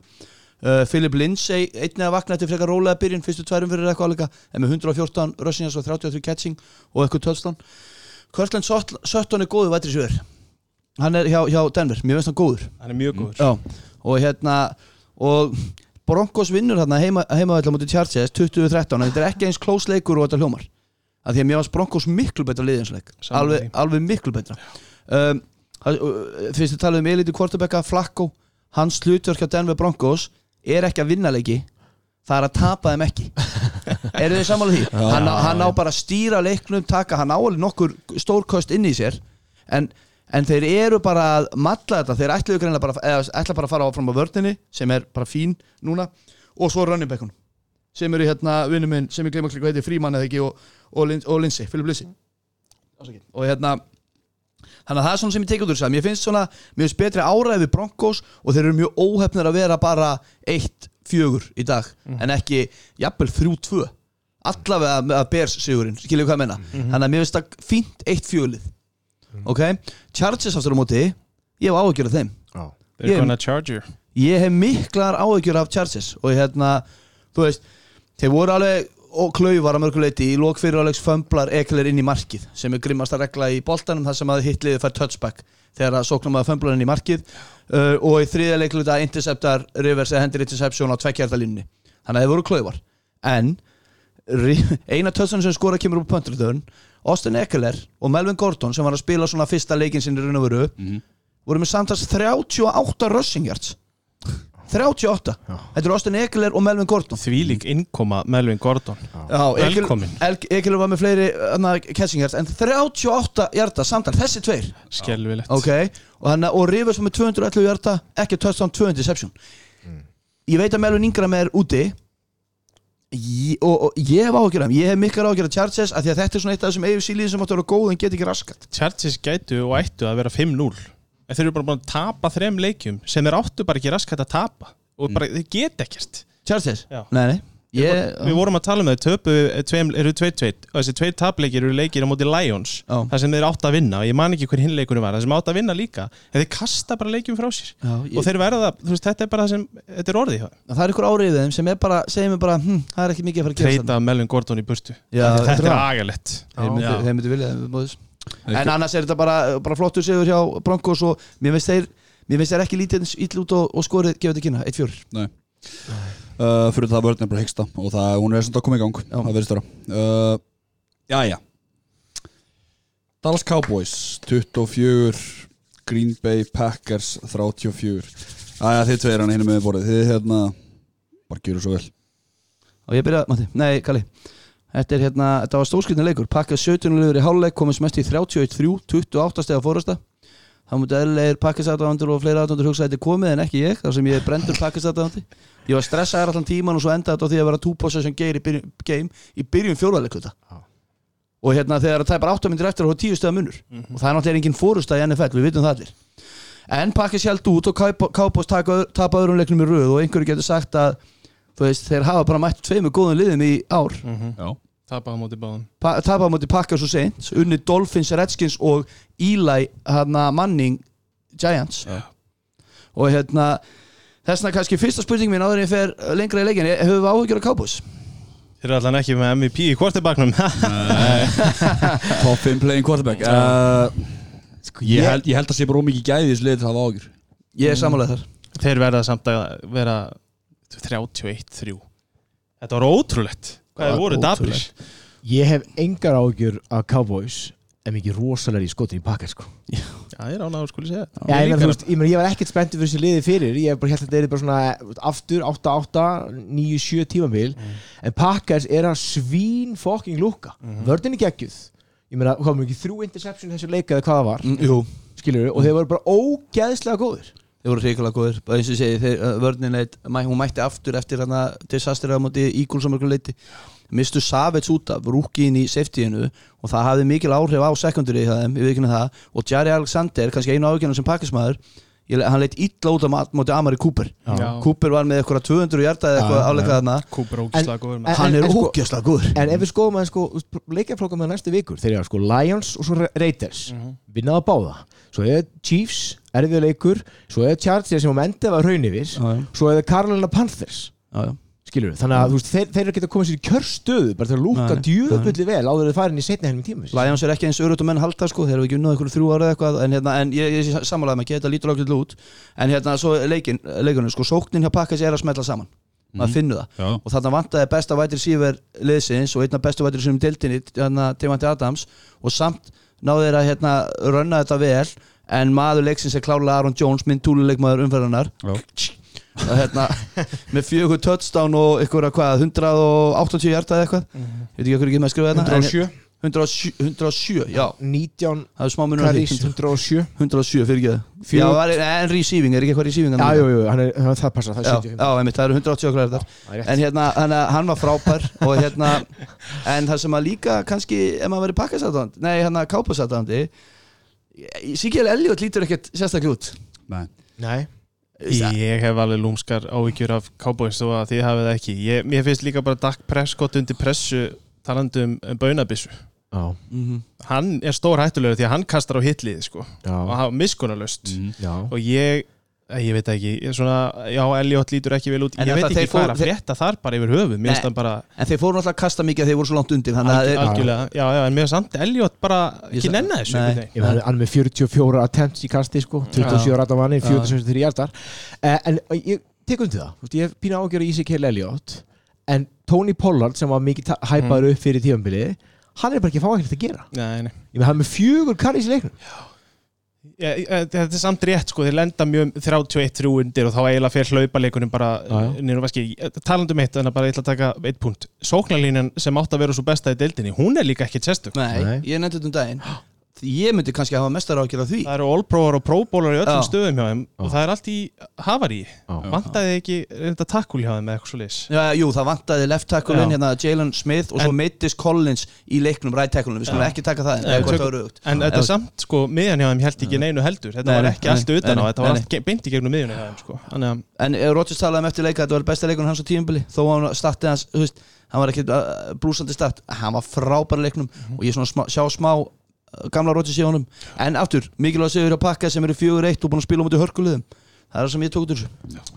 En þú talar um Tom Brady áðan sem hann er gamall. Er Aaron Rodgers er og Æ, Louis þú veist ég meina Nei, en Joke. ég, ég var farin að hugsa það í fyrra en ekki í dag, ekki í Nei, hann hefur líka svolítið tíma núna. Maður sér það, sóknarlínan hjá okkur er, er ógislega Þú góð ert ekki með gæja sem að hætta að þjálfa fyrir fjórum árum að þjálfa liði núna. Nei, nei. Þeir eru kannski að hugsa um ykkur skím Já, ég, ég meina þú veist Hvað er langt síðan að Green Bay Packers átti flottan hlaupara.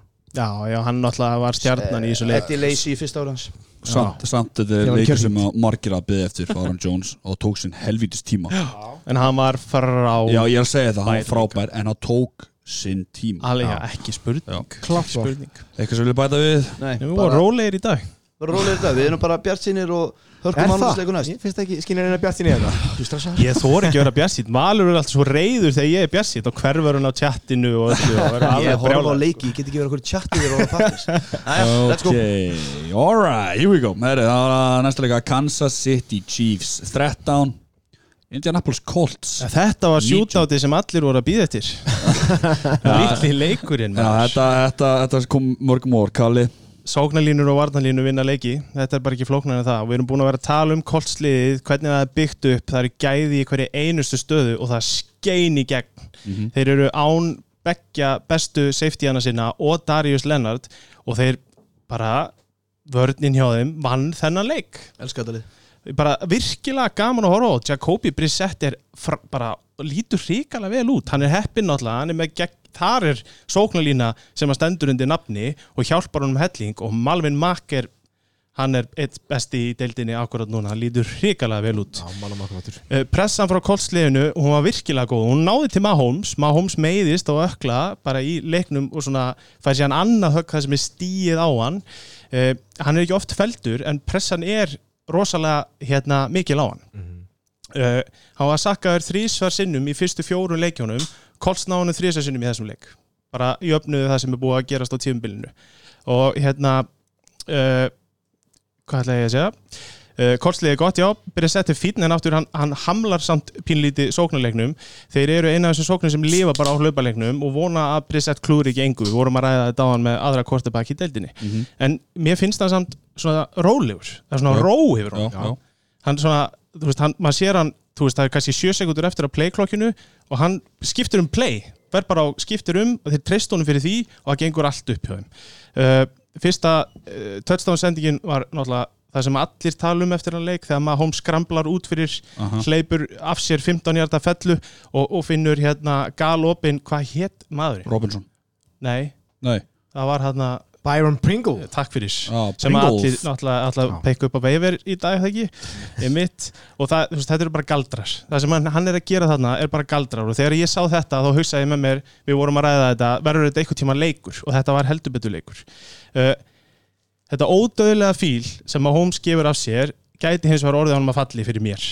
Uh, hann meðist á ökla eins og ég segi og, og, og fær svo sóknarlínum hann á hann og maður sér að hann er að drepast í fætinum allan Já, tíma hann já. getur ekki lengur hlaupið sig út úr öllu vesunu sem hann var. Og þá kom svona sámaður að hann er ekki veist, hann er ennþá fyrir mér einna einn topp besti kostibækinn í deildinni. Til að benda líka eitt, hann fekk ekki neina aðstofur einum um sjúkaþálar neitt með að hann var á bekknum út á öklansin Nei, ekki neitt, engan nutt að segja að kíkja sig hann bara beið og hann fór aftur inn. Já. Uh, vördin hjá Chiefs eins og það er, hún var í tómurugli og uh, sagði oftar en ekki. Gal opinn á móti hlaupalimnum eins og ég hef sagt. Uh, það er svo sem ekkert nýst, nýtt vegna þess að þetta er bara næst vestar hlaupavörnin og eftir þínum mönnum í Dolphins. Þeir eru að fá sig fyrir þennan leik tæpa 150 hjarta og fóru yfir það í þessum leik þannig að það breytist ekki neitt. Þeir hefðu til dæmis getað nota Justin Houston sem var að gera Mahomes lífi leitt allan þennan leik því að hann er að spila fyrir Colts Uh, hann átti til dæmis frábært fourth down stopp þegar fimm minútur voru eftir og það var huge fyrir Colts í þessum leik. Uh, Brissett er að afrætsa 5 hjarta per kast sem segir eiginlega allt sem segja þarf það er pínu pyrrandi að fylgjast með honum og, og, og fylgjast með þeim spila svona leik á móti særðu varnaliði en það var alveg tækifæri til að gera meira.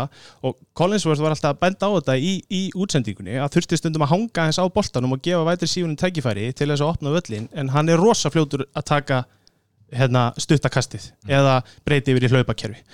Uh, ég tók út úr þessu það eru tækifæri fyrir bestu liðdeildarinnar og sérstaklega varnaliðin að herja á Chiefs. Mm þú veist, ég held að það væri ekki hægt en mér finnst það alveg vera hægt. Uh, þeir eru ekki ódreifandi og, og ég myndi leina að hlaupi yfir á. Það virðist virka og hérna þeim bestu mun bara takast það. En annan líka sem er gott að taka fram að það sem gerði bara, ég heldum að Holmes á. Þú veist, time of possession skilju og ég með þetta frá mig. Colts 37 mínútur 15 sekundur og meðan Kansas á með 22 mínútur 45 ég vil samt benda á það að það var ekki bara það. Nei, nei, nei, nei, ég er ekki að segja bara það ég er alveg skilurðu. sammálaðir nefnilega en ég hef líka séð Chiefs skora touchdown á 60 sekundum og þeir Já. stoppuðu það Já, já, já, það var svo mikilvægt, þeir stoppuðu þessa löngu bolta og það var það sem komið svo óvart með enga safeties að spila sem eru vanir að spila í þessu kerfi af því að þeir bara hrúðu einhverja svakalustu varnarleik og varnarkerfi sem ég hef séð í langan tíma En hérna, nú eru, nú eru tvö grein, eða bara langbestu liðin í EFC, Patriots og Chiefs Getur við ekki samlað það? Jú. Jú. Er Colts ykkur staði með tætnar það sem þeir hafa hæluna? Nei Ekki?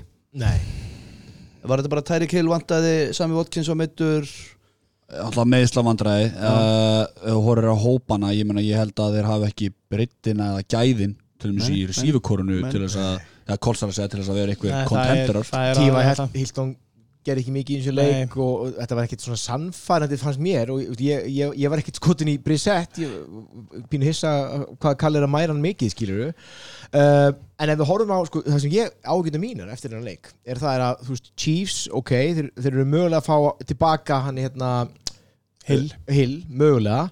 Sami Watkins bara gæti ekkert núna, ekkert að frétta.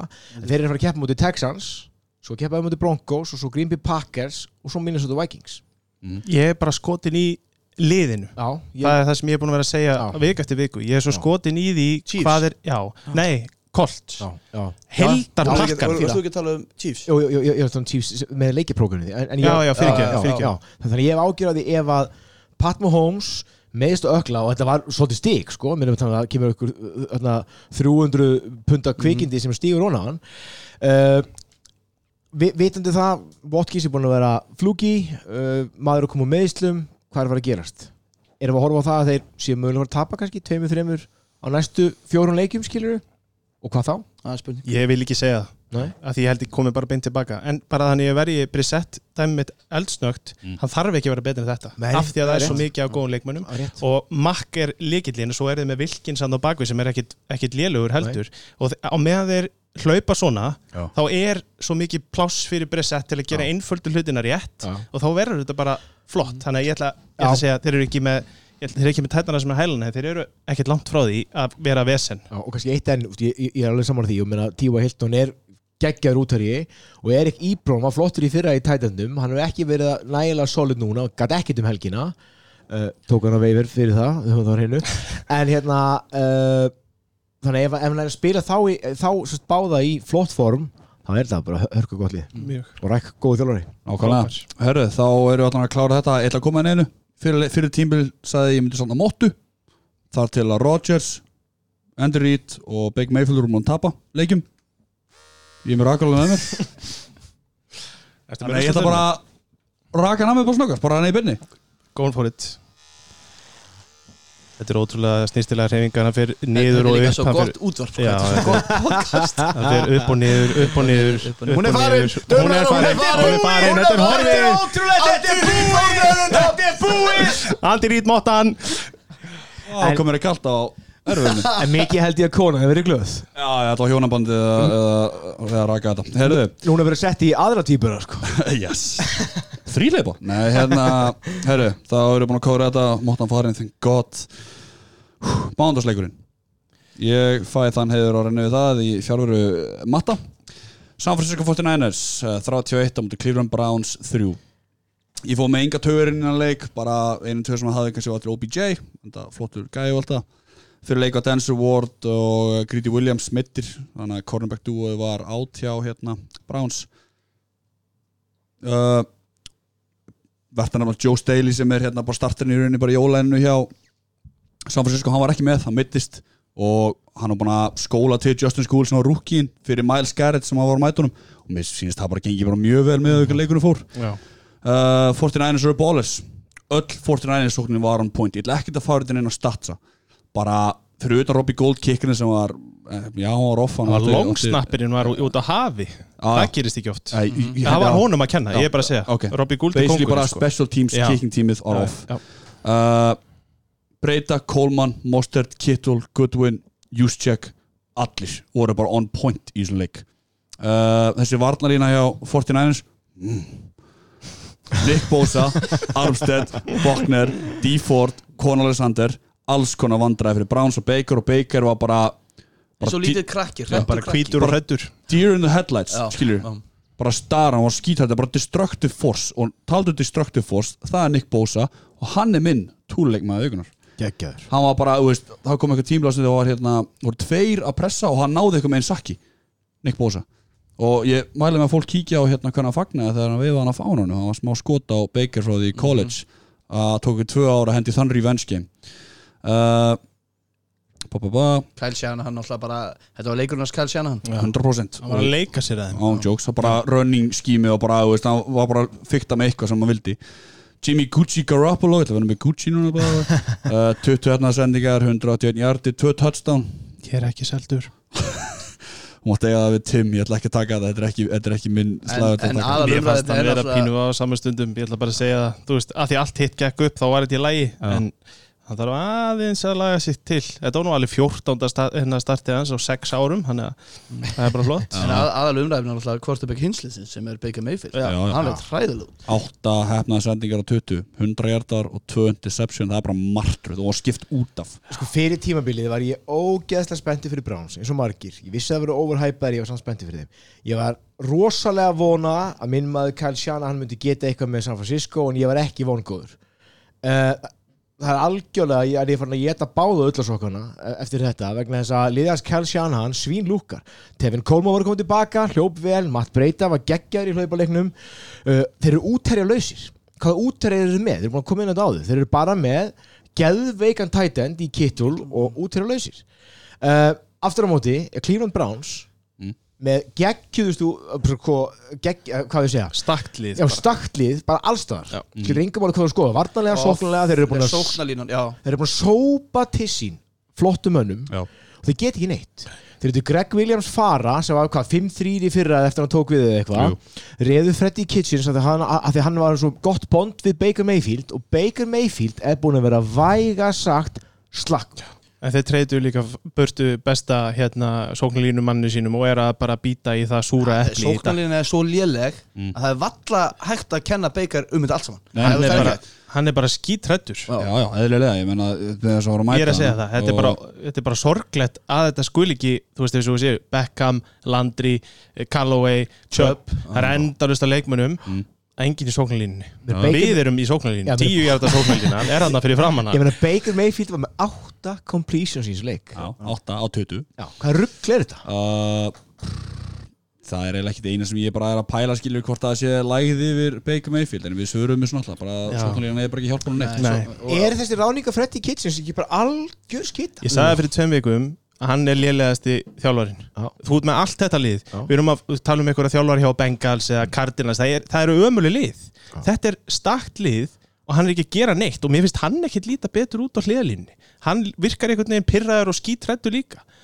A, hveitur hann og rífandi kjaft. uh, Ég ætla bara að einstu punkturinn í þessu 49ers eru first, í fyrsta sæti á öllum 32 liðunum yfir rushing yards per game í 20. öðru í passing yards per Já. game Og þeir voru að fá Tevin Coleman tilbaka. Já, Þeir verða bara flottir. Þeir eru Já, samt- virkilega gaman að horfa á. eru samt í fjóra sæti yfir yards per game. Já. Þannig að þeir eru að keira á styrkleikana sína. Já. Ég lítið ógæst að En við mikið langar mér samt að fá flottan út í þetta lið og þá verður við geggjar Já. Já, já, Antonio Brown baby. Þá er uh, uppgjörun lokið. Tók sinn tíma. En á aðeins verði, móttan fauk. Uh, Þannig að á að bara koma því að spá fyrir leikviku 6 Komum leikviku 6 maður uh, week eru Bears, Colts, Raiders og Bills. Þetta er fyrir þá sem er í fantasy að breyta liðunum sínum. Kíkja það. Uh, Byrjum á fyrsta leik, það er Núna á finnstættaskvöldið eða finnstætt aðfarnótt uh, förstags New York Giants fara til New England Patriots. Ég ránaði með NFL, þeir heyrðu að búið tveir góði 50-lagsleikir í röð þarna, hendum einum ömuluðu minn New York Giants 2-3 fara á Foxborough til Patriots 5-0 sem er ennþá ósýra ásand 49ers, glendur hann það líka. 49ers ósýra líka við segjum allir Pats, það er eftir í sjokki þannig Þetta er ótrúlegt. Uh, ekkit, uh, ekkit sem að óvænt þarna. Uh, það bara færa okkur á sundaginn það er Carolina Panthers 3-2 fara til Tampa Bay í London, eða veist, þeir fara ekki Tampa Bay þeir fara til London og spilum með Tampa Bay Buccaneers sem er þakna svo heimaðalli ok, ég segi Bucks. Kalli segi Panthers. Valur segi Bucks.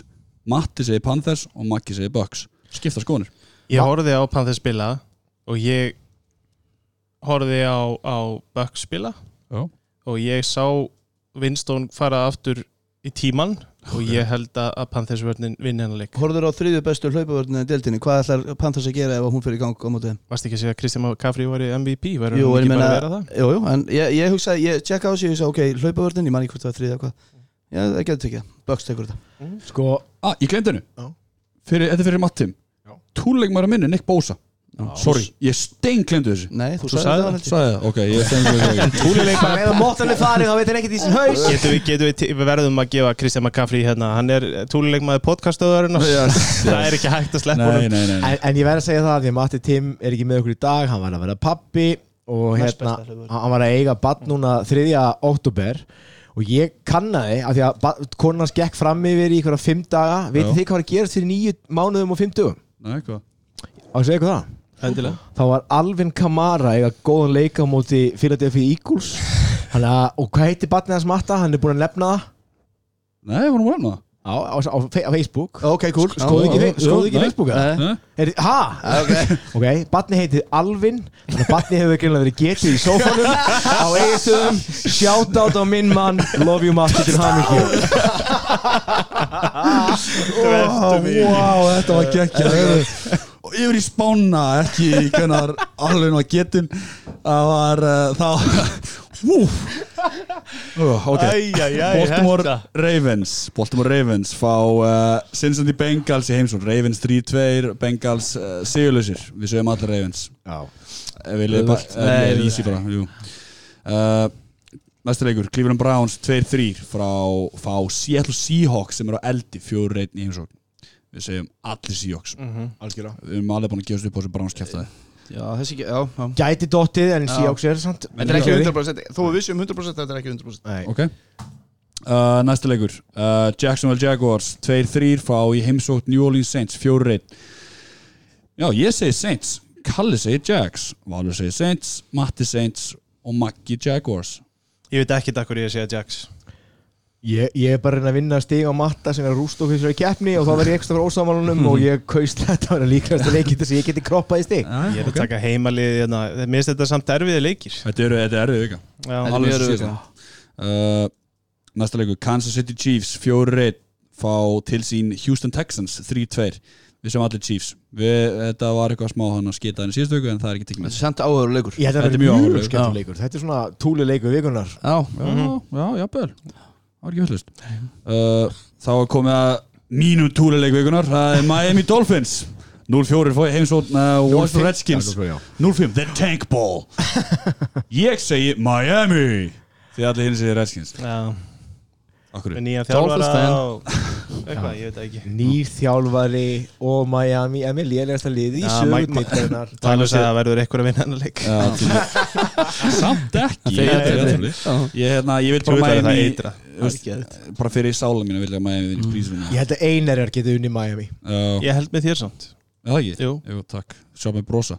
Uh, Langsinn ég brosa Nei, ok, hérna uh, Næsti, Minnesota Vikings 3-2 fá Philadelphia Eagles 3-2 í heimsókn Ég segi Vikings, Kallið segir Eagles Valur segir Vikings, Matti segir Vikings Maggi segir Eagles. Eina ástæðan fyrir ég segi Vikings er að þetta er inni hjá Vikings og þeir eru ótrúlega sterkir heima Þeir eru geggjar heima þetta Það er ég sammála valana Ég, ég kíkti aðeins á, á heimarækvölda Þeir eru góður heima.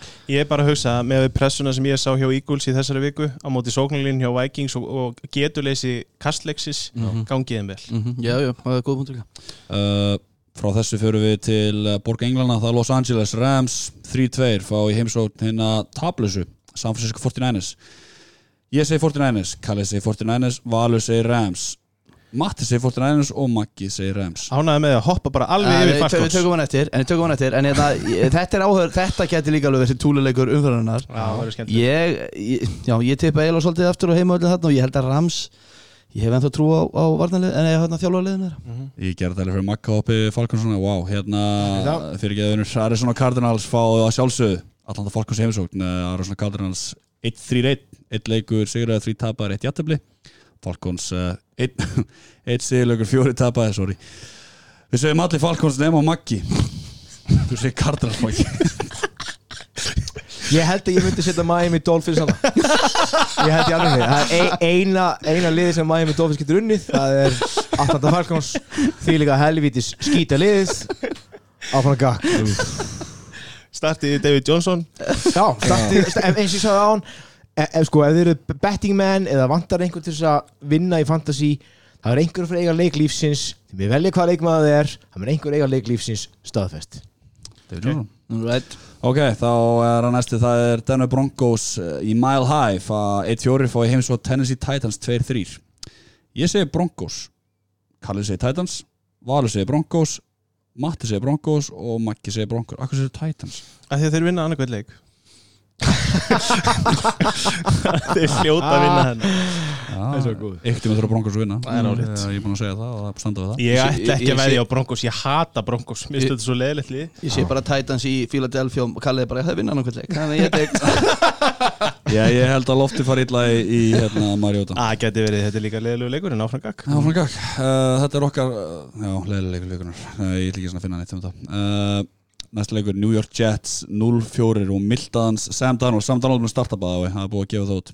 Og fá Dallas Cowboys 3-2 í heimsótt, við segjum allir Cowboys. Nefna Maggi. Nei, heyrðu, þú segir Jets. Nennir please að útskýra þetta fyrir mér. Og farðu svo heim og horfa á Eagles Jets og Já, ég var að breyta fyrir einni sekundu bara í skjálfni okay. bara vegna þess að ég sagði á hann ég þarf að vinna massa tími en ég held í alvegni samt Donald að koma tilbaka. Cowboys voru ekki neitt sérstaklega samfæðandi en ég get 99% lofa ykkur því að Cowboys rúla þessu upp. Ég er að reyna að safna stigum hérna sko. Já, mm. Já, Það er náttúrulega gott að, betta bara, er reyndar ekki gott að betta á móti matta því að hann er alltaf með tíu rétt að hann. Uh, ég, ég er sjokki og breytur En ég, ég tek þið. það er- Þetta er- þetta Þetta er alveg Ég er komin með, komin með eitt túli í blóði sko. Þetta þetta Það var að þá breytist þetta allt saman. Það var næsti, það var að Aftur, borgenglana Los Angeles Chargers 2-3 fá Pittsburgh Steelers 1-4 í heimsókn. Þegar þetta tekið byrjuð við ekki hvort að Mason Rudolph sé Nei. góður ekki en við segjum Já, ég segi Chargers, Kalle segi Steelers.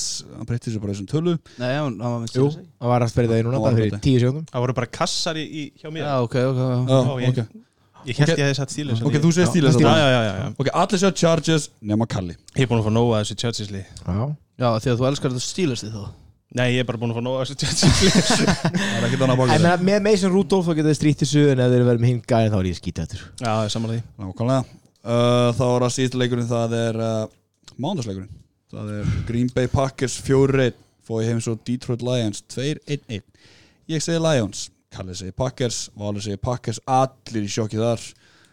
Matti segi Lions og Maggi segi Packers.